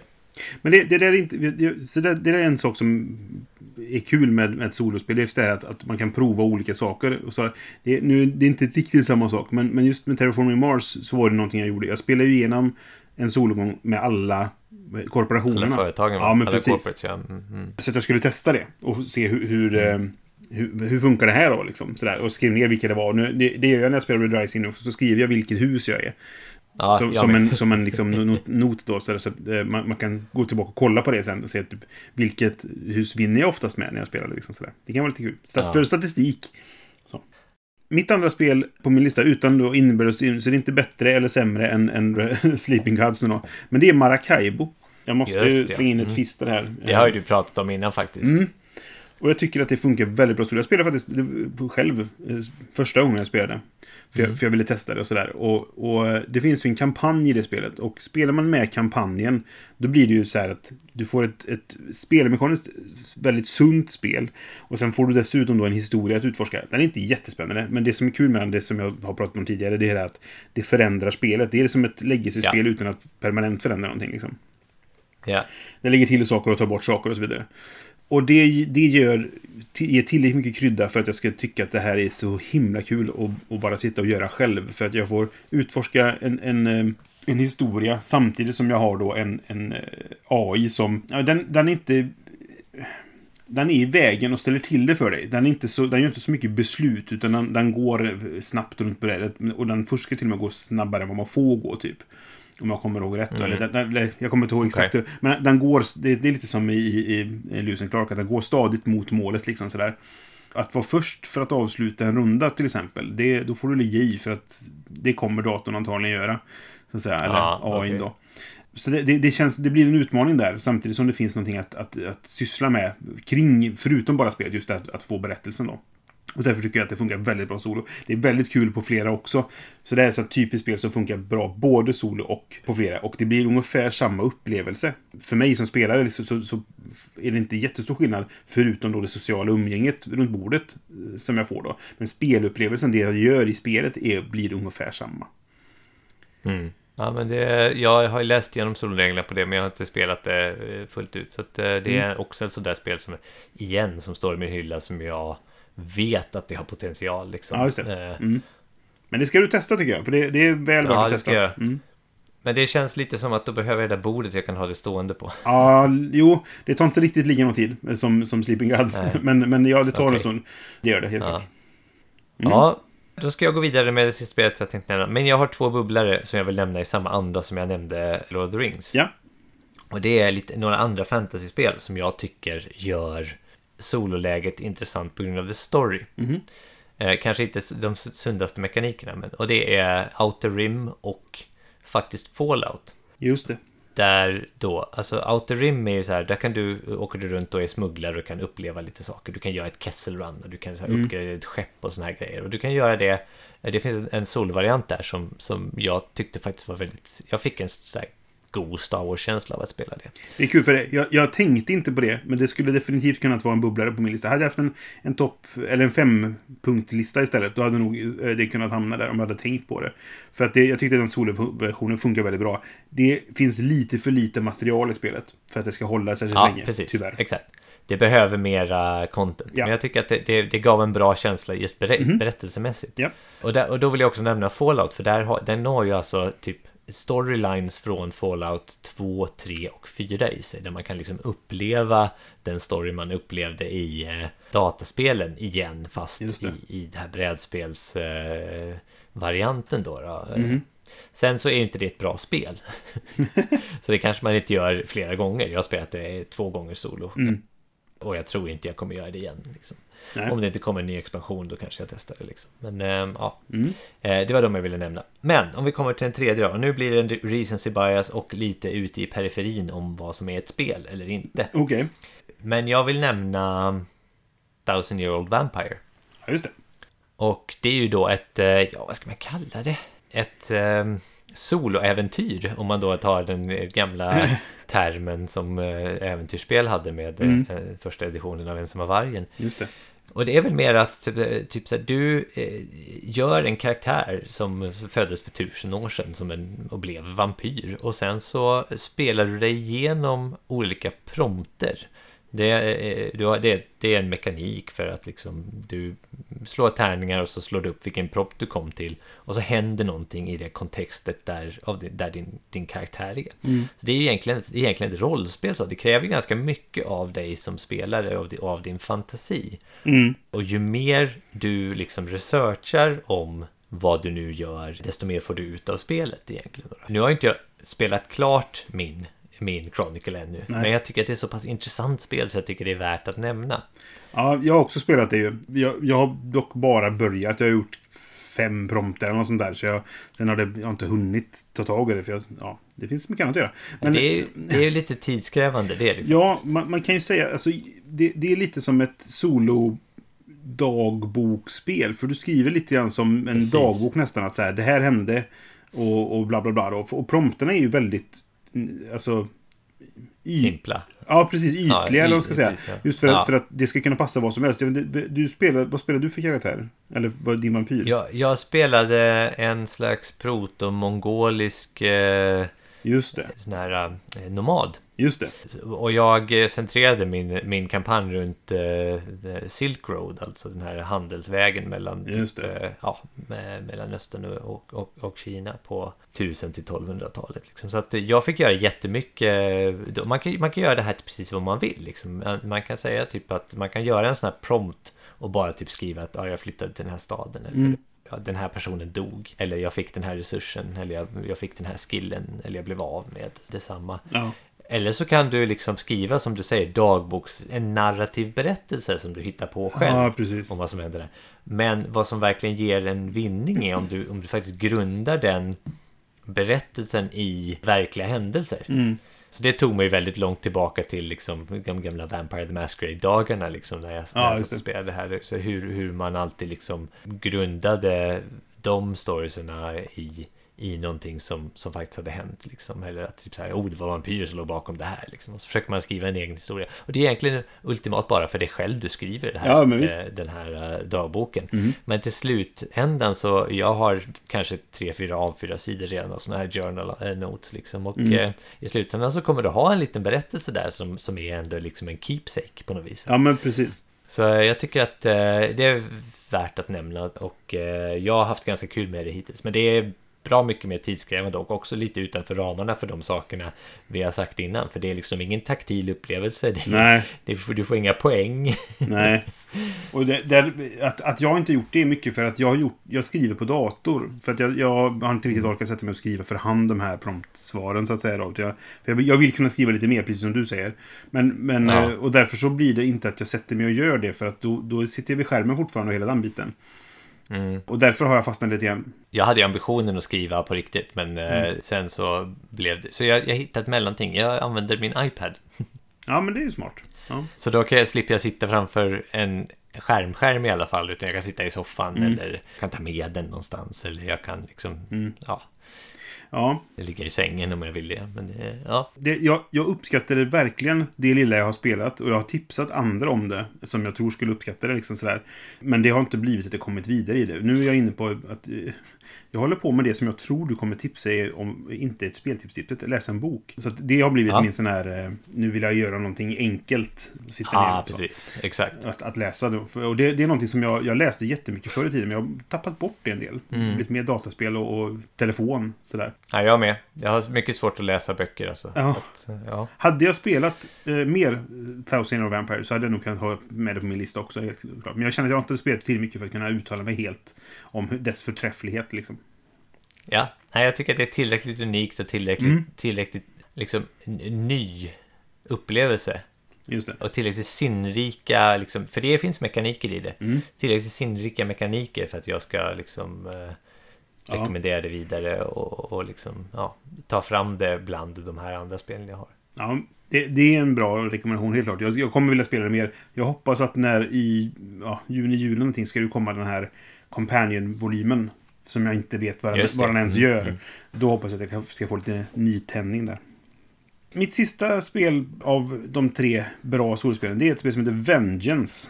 Jaha. Som jag faktiskt också gjort ett solavsnitt om, om man vill lyssna på det av första intrycket. Det här är ett, ett spel som... Det, det tar formen av ett, en, en sån här revenge-movie. Som ja, men John Wick eller Old Boy eller Kill Bill, typ. Där man spelar en karaktär som har blivit utsatt för någonting dåligt, en oförrätt av något slag. Och ska hämnas helt enkelt på den onda liksom, crime-bossen eller vad det kan vara. Va? Som när man spelar solospel så får man eh, läsa då på sin karaktär, vilket man inte gör när man spelar på flera för övrigt, vad det är som har blivit utsatt för, vad, vad som har hänt och sen dess bakgrund då, så att säga. Och sen så spelar man eh, the wronging som det kallas. Och då får man eh, lite skador och man får veta att de klippte av dig ett finger och de krossade dina knäskålar och så vidare. Och sen har du ett par montage där man, där man då får skaffa sig resurser eller träna och sånt liksom genom att man skaffar skills och, och förbereder sig. Och sen har du ett antal fighter som egentligen går ut på att du kommer till ett skurktillhåll och så går du in och så mördar du eh, varenda jävel som är där inne. Genom att man, man slår tärningar egentligen och så utför man handlingar utifrån vad tärningarna visar då, så att säga. Och sen så ska, går det ut på att du ska hitta bossen då till slut och så spöa upp honom också och så har du vunnit. Det låter in, så här extremt simpelt och det är ganska simpelt förutom att regelboken är horribelt skriven. Nog en av de sämsta regelboken jag någonsin har, har varit med om. Men det går att spela spelet om man, om man läst den där 17 gånger och tittat på lite videor. Det finns inte så många tyvärr, men det finns några videor att se om hur man ska spela. Och då går det att ta sig igenom det. liksom sådär. Och det är ett spel som jag bara spelat solo. Och som jag tror att jag aldrig kommer vilja spela på fler. För att det finns ingen interaktion mellan spelarna överhuvudtaget. Okej. Okay. Alla spelar sin egen karaktär som har blivit utsatt för någonting av ett annat gäng. Och de, vi rör oss i samma stad och vi kan rent tekniskt sett då ta varandras dens, som det heter då, alltså där, där skurktillhållen så här. Men jag får inga poäng för att ta ditt. Utan det är bara någonting jag gör för att jag inte har hittat mitt eget egentligen. För man vänder upp så här, vart är de olika skurkarna liksom sådär. Och därför så finns det, det känns som att det finns ingen anledning att spela det på flera. För att vi kommer inte påverka varandra nästan alls egentligen. Det finns en expansion till det som heter Saboteurs. Där man kan faktiskt ha då sabotörer med. Som man kan spela mot varandra. Jag har inte testat det. För jag har bara spelat det solo. Men det är ett jättebra solospel verkligen känslan av den här typen av, av eh, hämndfilm då. Och det är kul att gå in och bara vara en badass som mördar liksom motherfuckers i en, i en, en jävla så här, spelhåla i Chinatown. Så går du in och så mördar du varenda jävel där inne. Liksom. Det, det är ganska kul stämning i det sådär på något sätt. Och man, det, alltså, skillsen du skaffar är mycket så här att ja, du kan göra om en förflyttning till en kniv. Och sen kan du göra om en kniv till två knivar. Och så, då, kan, då är det liksom anfall i närstrid och sådana saker. Och så finns det ett antal karaktärer som man kan testa som man vill... Så här, man vill prova att spela den här mm, liksom, karaktären istället då. Boxar trucker-tjejen då istället. För, eller den här föråldrade punkaren som eh, eh slåss med kofot. Ja, typ. Jag kommer inte ihåg vad karaktären heter. Så det, det, det, jag gillar det. Man, men jag tror man måste gilla genren också. Gillar man de här eh, Kill Bill och, och ehm, John Wick till exempel så, så, tror jag det kan vara något att, titta på. Ja, ah, okej. Okay. Vad var det för mekaniker? Är det eh, däckbuilding eller någonting? Nej, det, alltså, du slår tärningar egentligen. Det är input randomness. Så du slår tärningar och ser vad kan jag göra med det här den här gången egentligen. Ah, okay. ah, okej. Men sen kan du ha skills då som du köper. Det är brickor egentligen som du lägger på din karaktär. Och sen har du mellan rundorna så får du montage så du kan läka dig och sådana saker och ta dig eh, liksom få mer, du får poäng för att köpa mer saker och sådana saker. Men du har också varje runda så väljer du en, en, du har en lek med kort som du lägger upp så du väljer vilka du vill använda. Men kör man då på normal mode och inte easy tror jag det är så, så försvinner de bort ur spel sen. Så du kan bara använda dem en gång. Eller ett, hur är det nu? Jo, ett av dem försvinner ur spel. Så att du kommer bli av med ett kort, så du kan inte använda dem bara de bästa ja, hela tiden. För då mm. kommer du sakta men säkert bli av med dem, bara ha de dåliga kvar. Så kanske man gör lite så här, ah. men jag, jag, testar de här nu då, liksom så här. Så det finns en hel del mekaniska saker att göra Smart. med det också. Mm. Mm, mm. Så det är inte bara liksom action och, och våld sådär. Men det här är ju då, som jag var inne på förut, motsvarigheten till att när jag vill eh, avreagera mig lite, fast i faktiskt brädspelsform och få lite klurigt och ändå få det här actionbiten. Då är det här perfekt. Liksom. Ja, ja, precis. Mm. Jag tänkte det, det kopplar tillbaka till det du sa om att ja. spela ett actionspel på ja, Playstation precis. istället. Liksom. Det var John Wick som fick mig att, att, upptäcka det här, för jag, jag, jag gillar verkligen den filmen.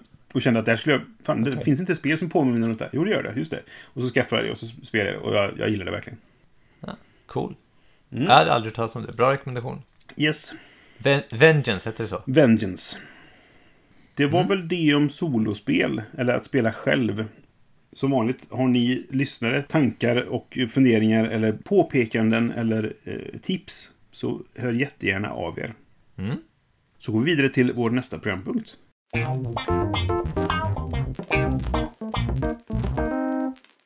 Och nästa programpunkt är som vanligt inte ett speltips, tipset. Just det. Och du tyckte före vi skulle spela in nu, eller igår när vi pratade om att vi skulle spela in, så, så sa du att vi får nog synka den, för jag tror vi kommer tipsa om samma sak. Och då sa jag att det är ingen risk för det. Nu har jag bytt ut faktiskt vad jag tänker tipsa om, så att det är inte riktigt eh, lika långt ifrån som det kanske var från början då. Men jag tror jag vet vad det är du tänker tipsa om, och det är en bokserie, eller hur? Nu talar du i kringlor, min vän. Ja. Fast du har ändå rätt. Ja. Ja, jag, jag har ju så här.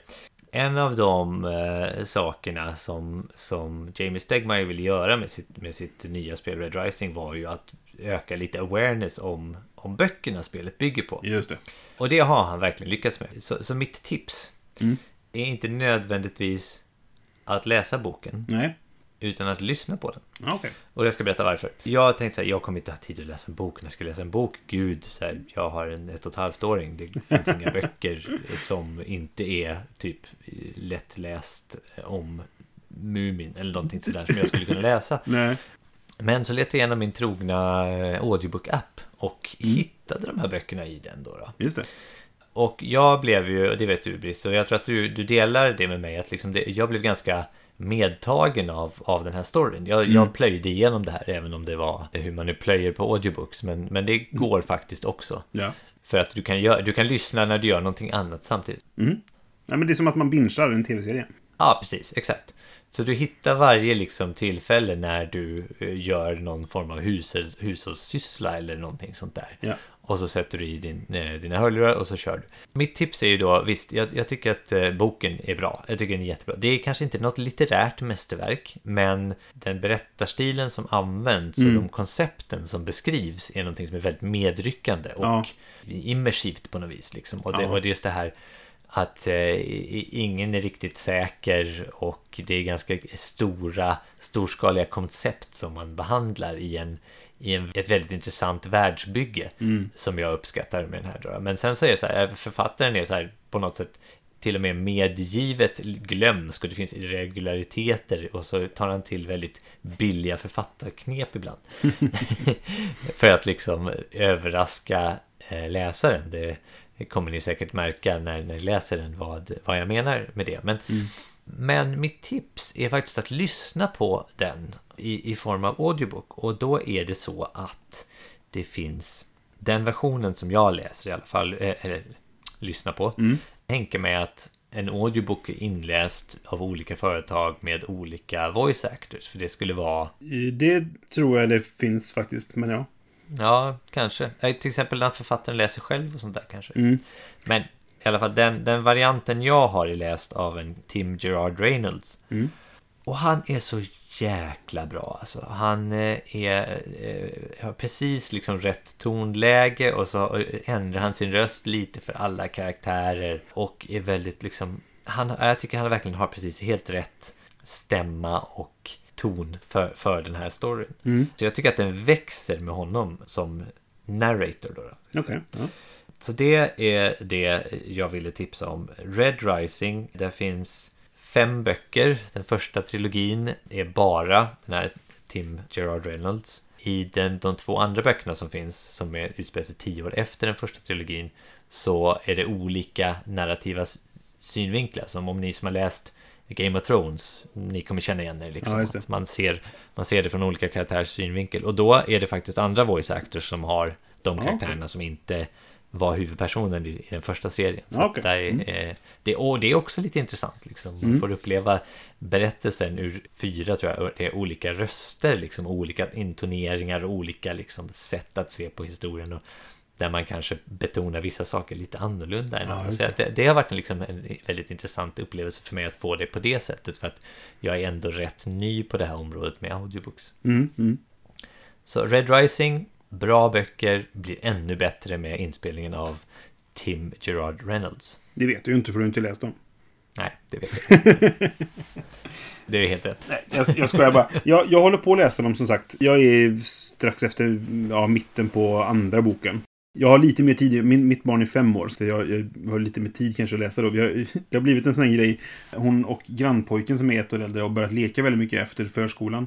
Så att eh, det har varit, min sysselsättning har varit så att jag, för att jag vill ha lite koll på vad, vad, vart de, vad de är och vad de gör sådär. Så att jag, de leker på, framför huset, så sitter jag på balkongen och läser samtidigt. Så jag hör dem hela tiden i bakgrunden, så att de inte försvinner liksom. Så därför har jag faktiskt Ja, okej. fått läst en hel del nu det senaste. Ja. Så det hade du inte kunnat göra med en audiobook, för då hade du fått lyssna på audioboken och så hade du fått titta Nej, på men dem istället. precis. Då... hade jag inte hunnit lika mycket alls, tror jag. Jag vet inte. Men det, det går ju långsammare att läsa, så att jag, jag, jag har inte hunnit lika långt som du har gjort. Jag har ju verkligen brötat igenom det här. Ja, jag uppskattar dem väldigt mycket. Jag tycker de är väldigt bra. Det är bland de bästa jag har läst på länge. Sådär. Även om visst, det är väl inget litterärt mästerverk. Men han har ett bra sätt, som du säger, att, att fånga mig. Att vilja få mig att läsa vidare, liksom. Det har han lyckats har med. du sagt också att, att det har ju... Jag hade, eh, hade ju läst, eller börjat lyssna på dem innan jag spelade spelet. Så jag visste ju lite mer om, om karaktären och sånt innan spelet. Men du läser medan du spelar på något sätt. Va? Så du, har ju, Ja. du sa till mig innan att du upptäcker karaktärer lite allt eftersom i boken som du har spelat med. Liksom, och så får, kommer de liksom... Eftersom jag har spelat så mycket som jag gjort nu så, så är det ju hela tiden typ så här, ah, men det där namnet känner jag igen och nu kom den personen och så vidare. Och jag drar mig alltid Precis. lite för att så här, vad är det han gjorde i spelet nu? För så här, då kanske jag spoilar för mig själv liksom. De har ju sagt så här, det ska inte finnas det, några spoilers, det. men det gör du ju ifall du läser om en person som precis dyker upp i en bok. Och sen tittar du på Ja. kortet och så ser du vad dess förmåga är. Då kan du Ja. så här, den här personen kommer nog dö. För, eller så. Eller kommer döda någon utifrån liksom bara hur dess förmåga funkar. Liksom. Förmåga funkar, ja precis. Ja. Sådär, så att jag, jag drar mig lite för det. Men jag uppskattar också väldigt mycket att göra det. Att jag, jag- får väldigt mycket av, av att lä, ha läst eller när jag läser böckerna så att ha spelat spelet. För jag känner igen och det är kul att säga, ja men där är, ju, där är ju han som var där och där är hon som, som eh, precis kom och gjorde det här liksom. Då, sådär. Så att jag uppskattar det ändå. Ja, precis. Jag kommer ihåg en speciell, eh, speciell karaktär som du bara, varför har hon den här förmågan? Ja, Så- så just det. Ja, det kan Sen inte jag berätta läste för jag dig. det och så sa jag, Eh, och "Nu sen jag läste jag varför och sen bara, förmågan." ja, just det, det är helt rätt. Väldigt tydligt, ja. Ja, men bra tips. Jag, jag kan också rekommendera böckerna, eh, helt klart. Jag kan inte uttala mig hur det är att lyssna på dem dock. Jag har lyssnat på en del med audiobooks tidigare. Jag har till exempel lyssnat igenom, eh, inte nu längre för nu har det kommit fler böcker, men jag har lyssnat igenom alla Discworld-böckerna. Ja, just det, ja, det har jag också gjort. Jag kan inte uttala mig om ifall de samma bok har läst av olika personer. Men det var ju åtminstone två olika personer som läste de här böckerna. Det var ju dels, vad heter han som spelade, som var med i Blackadder, som spelade Roderick. Tony. Robinson, kanske han heter? Just det, ja. Mm. Han var ja, en av de som läste böckerna. Och så var den andra var han som spelade Neil, hippien i Young Ones. Tror jag var den andra som läste upp den där. Skitsamma. Det, Ja. det, det spelar inte så stor roll. Men så, här, så de, de var väldigt olika läst och de men, gjorde röster och så vidare. Men ja. Här kommer jag, jag lyssnade på dem också, jag tyckte de var jättebra. Mm. Mm, mm. Mitt inte ett speltips-tips är en tv-serie som finns på Amazon Prime. Jag vet att det kanske inte är den vanligaste som folk har och så vidare. Men det, det går säkert att få tag på på andra Klart sätt också. underskattat, alltså. Jag, jag, jag gillar Amazon Prime, det finns mycket bra där. Framförallt, jag kommer till en, en specifik sak med det som gör att jag verkligen gillar det just för den här serien. Ja, Och det är, en- det är en serie som heter Invincible. ja just det. Den är baserad på eh, en serietidning som jag faktiskt inte har läst. Som är skriven av Robert Kirkman som skrev Walking Dead. Och handlar om superhjältar som ändå är en, en favoritgenre för mig sådär. Eh, Jag ska Just, inte säga för mycket om den för det, jag vill inte spoila någonting utan man ska börja se den sådär ospoilat om man inte läst serietidningen. Men det handlar om, om, en, om en ung kille som vars pappa är typ världens mest kända superhjälte Omni-Man. Han är typ Stålmannen i den här världen. Och det handlar om hans son, eller hans familj då, och, och den här sonen har inga superkrafter då. Och sen händer det grejer. Ja, okej. Eh, och det är svårt att... att, att så jag kan inte säga någonting utan att spoila. Den är extremt våldsam och blodig. Så det är ingenting man ska se på med sina barn. Den är väldigt obarnpassande. Okej. Men eh, handlingen är väldigt spännande och väldigt välskriven på något sätt. Och eh, det är lite manga-aktig stil nästan i animeringen sådär, vilket jag inte bryr mig om egentligen. Men, men om man gillar det så kan man nog gilla det här också då så att säga. Och sen är det väldigt bra röstskådisar och framförallt extremt många kända människor. Om man har alltså ett, ett, ett filmintresse som jag har också så känner man igen på personer hela tiden. Och det här då funktionen som finns i, i eh, Prime-appen Just det, är så jäkla bra. Precis, för du kan bara liksom... Du, du trycker på skärmen och får fram vilka är med i den här scenen. Ja, det är en IMDB-integration där som gör att den, Precis. den slår bara upp. Ja, det är så himla... Och den vet exakt vilken scen du är i också, så att den plockar Jajamän. rätt. Ja, det är... Och den skriver även ut musik. Om du, har, om du lyssnar på, alltså så här, vilken låt är det som spelas, om det är en specifik låt då, så kan han visa den det också. Det är den här låten som spelas just nu. Ja, ja, Om man vill ha den, den informationen också. Och det är så kul att titta på den här serien och tänka, vem är det där? Det låter, som, det låter som Seth Rogen. Ja, det var det. Ja, Det är så klockrent, rent Ja. alltså den funktionen. Jag, det kan jag tillägga för de lyssnare som inte vet, jag jobbar ju med tv-appar. Just det. Och det, alltså det här är ju väldigt, alltså det är... Ja, att de kom på det, det är jäkligt Mm. bra alltså. Nej, och att ingen annan har gjort det. Ja, jag vill ju göra det, men det ska ju till en massa innan man kan... Jo, och det, jag vet inte, så här, de kanske har ett exklusivt samarbete med IMDB, jag vet inte. Oh ja, det har de säkert. Alldeles säkert. Ja. Jag gillar att se på animerad film och försöka lista ut vilka det är som spelar roller och sådana saker. Jag tycker det är kul Mm. att kändisspotta på det sättet. Och det får man göra hela tiden här. Det är så Som mycket kända människor med. Typ. Ja, men precis. Fast här är det liksom hela tiden. Ja, okej. Och det är väldigt kul eh, på det sättet. Eh, eh, Omniman spelas ju av, av eh, J.K. Simmons till exempel. Ja, Som är en, ändå en favoritskådis. Jag gillar honom. Han har vi pratat om det innan tror jag, på podden. Det eh, har vi gjort. Jag tipsade om eh, Counterpart. Som han spelar huvudroll i. Just det. Och då hade jag precis sett honom i typ så här en massa olika saker. eh, Ja, just det, just det. Mm. Så var det. Ja, nej, så, eh, jag, och, Cool. och den får mig att vilja läsa serien. Vilket är, Mm, det, det är ju, det har du lyckats på något sätt då. Så det finns en säsong hittills, det ska komma en till. Men det lär väl dröja ett tag då kanske. Men väldigt bra serie. Om man gillar superhjältar som är lite udda. Eller udda ska jag inte säga, för det är det inte. Men, men det är lite annorlunda stil på det i, i vad som händer. Eh, Det är inte vanliga Marvel eller DC liksom. Inte riktigt eget. så. Men det- man kan känna igen saker. Det finns ju så här, ja men du, du har... eh, Vad heter de? Kommer inte ihåg vad de heter då. Guardians of the Planet. Inte Galaxy. Ja. Ja, nej, nej, men i, i, alltså i Vincebel så finns det en, en, en, grupp då. De, och det är ju rakt av eh, Justice League sådär. eh, Ah, ja, okej, jag förstår. Ja. Så, och det är, det är en hel del sådana saker. Men de har en del unika twists på, på karaktärer och vad, man, vad de gör med sina krafter kanske framförallt då. Som är lite roligt. Okej, intressant. Det är rätt, lite röd tråd på våra tips här. Liksom. Jag hade ett spel som fick mig läsa en bok och du hade en ja, tv-serie som precis. fick dig att vilja läsa... eh, Läs en serie, ja. Ja, ja. ja. Nej, men precis, det vill jag verkligen. Så att, ja, Invincible eh, på eh, Amazon Nice. Prime då. Är det som Prime Original, eller? Ja, precis. Cool. Yes. Då går vi vidare till vår sista programpunkt. Oh yes.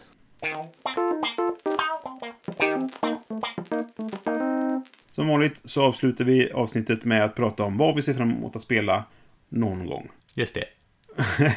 Och ofta, jag har ju ofta haft, eller alla gånger hittills tror jag, har jag haft ett spel som jag inte har spelat alls. Förrän jag pratar om det här i, podden då, att jag, att jag vill spela det. Men det ska jag inte göra den här gången. Jag ska prata om ett spel som jag har spelat förut. Och jag har spelat ganska mycket. Och jag har nämnt det i det här avsnittet. Men jag vill spela Terraforming Mars. Jaha, okej. Nu blir jag helt chockad. Det, det här trodde jag. Men det är så, jag har ju, jag har ju liksom eh, böjt på reglerna för det här segmentet tidigare. Så varför ska inte du få göra det? Nej, men precis.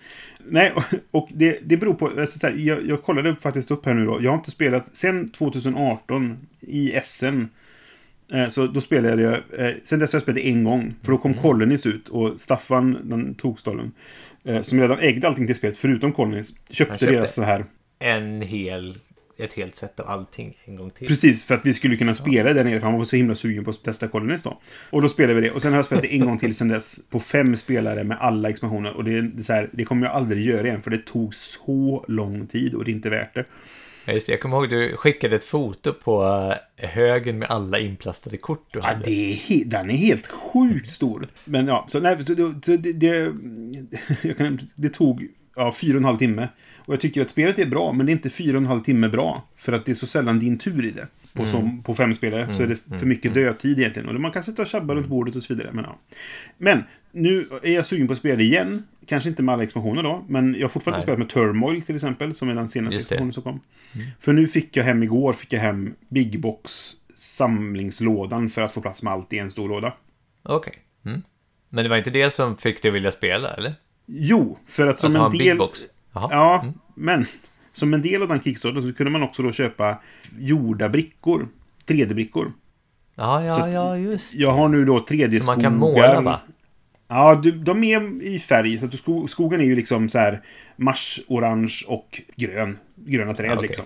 Så jag funderar på att okej. shada dem bara. För att de är ganska målade Ja, ja. Husen, eh, städerna då, de är ju bara gråa hus. Men det är, så här, det är fönster. Det finns lite olika varianter också. Alla är inte likadana. Utan det finns en, en kanske en två, tre, fyra olika varianter på varje.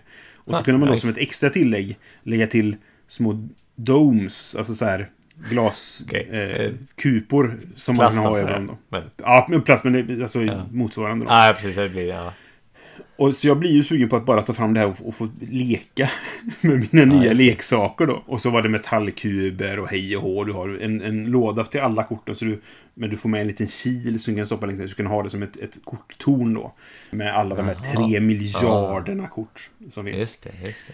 Coolt. Så jag, jag satt, och, och, jag satt ig- igår kväll och, och pillade med detta och, och liksom så här flytta över allting från min vanliga låda som var för tjock. Jag hade ett gummiband runt den för att den skulle hålla ihop liksom sådär. och la över det i den stora lådan då.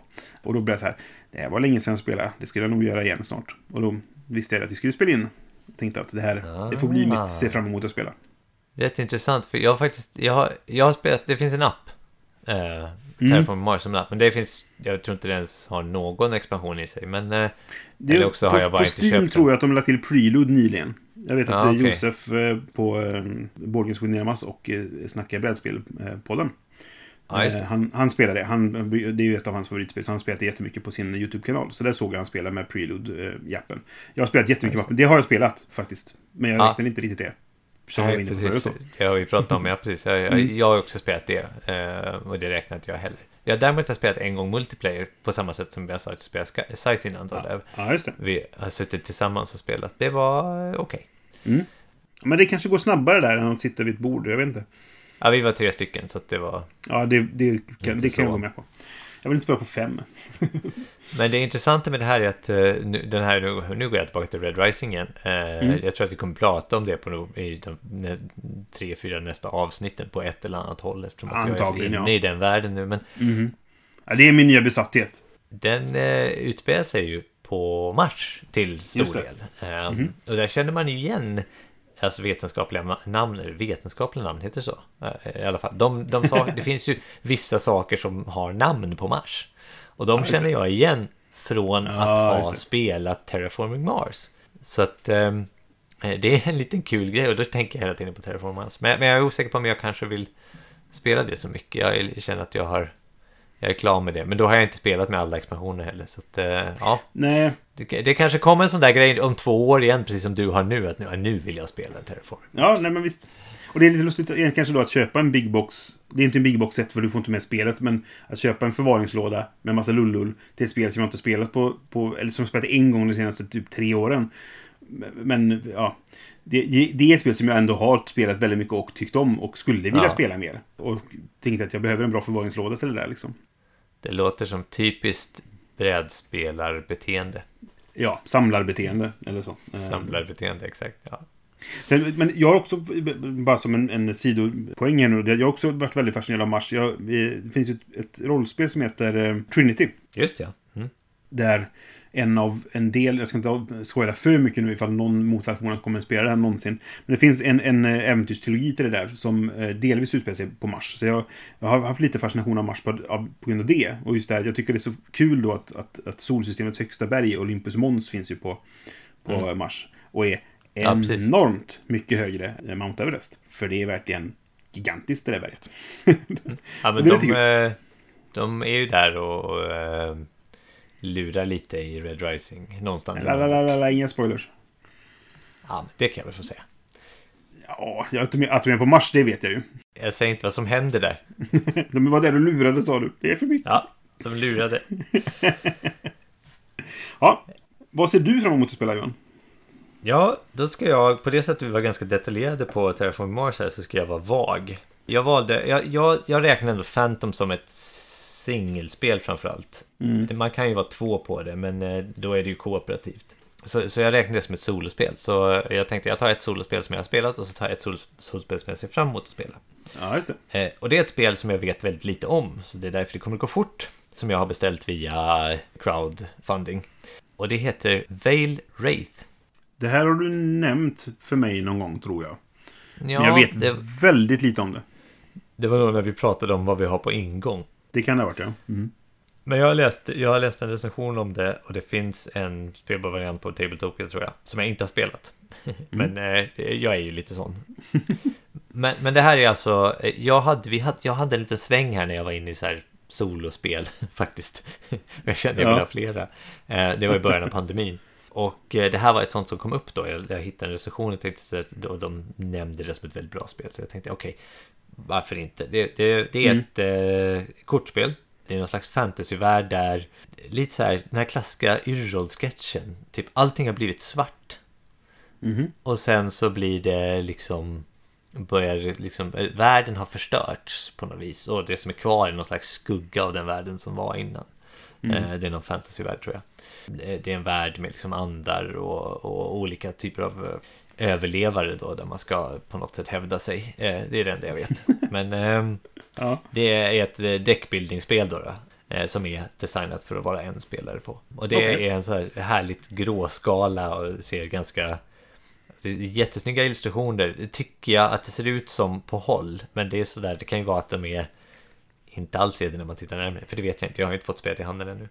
Men eh, det verkar kul och den här recensionen lovade gott. Och ja, kortspel med deckbuilding och så one player. Eh, det låter som någonting för mig. Så att, eh, det ser jag fram emot. Ja. Jag kommer såklart följa upp på det också. Om det verkligen var någonting att se fram emot eller inte. Vid ett senare tillfälle. Men eh, Vale Wrath. Nej, jag vill säga Whale Wrath. Men det är Vale Wraith. Bill Wraith, ja precis. Ja.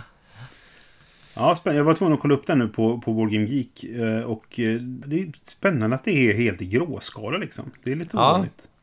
Ja, så att eh, mer än så Det vet kanske är jag något. faktiskt inte. Nej, Det nej, kanske nej, det är behöver något, man precis. Ja, Mm. du hörde det här först. Nej, jag vet inte. Ja, nej men okej. Det var väl Ja. helt enkelt våra, eh, vad vi ser fram emot att spela då. Ja, det var det. Och med det så är vi klara för den här gången. Tror det, va? det här avsnittet. Ja, Ja. jag tror det. Vi ska bara säga de vanliga sakerna. Om ni har tankar eller tips eller någonting ni vill säga till oss så kan ni höra av er på antingen johan.spelradio.se eller brisse.spelradio.se. Ni kan också skriva till oss på vår Facebook-sida eller eh, kommentera till oss eller skicka meddelanden. Vi heter Spelradio på alla möjliga ställen. Spelradio.se eller Spelradio på Facebook eller på Instagram. Och vi vill jättegärna ha eran input om ni har någonting att säga. Och som vanligt så är musiken gjord av Robin Landahl. Vi säger väl hej då, helt enkelt. Ja, på återseende säger vi. På återseende. På hej då. återhörande. Jag kommer inte ihåg vad vi brukar säga. Återhörande, just det. På återhörande. God vänner. Vi hörs. Hej då. Hej då.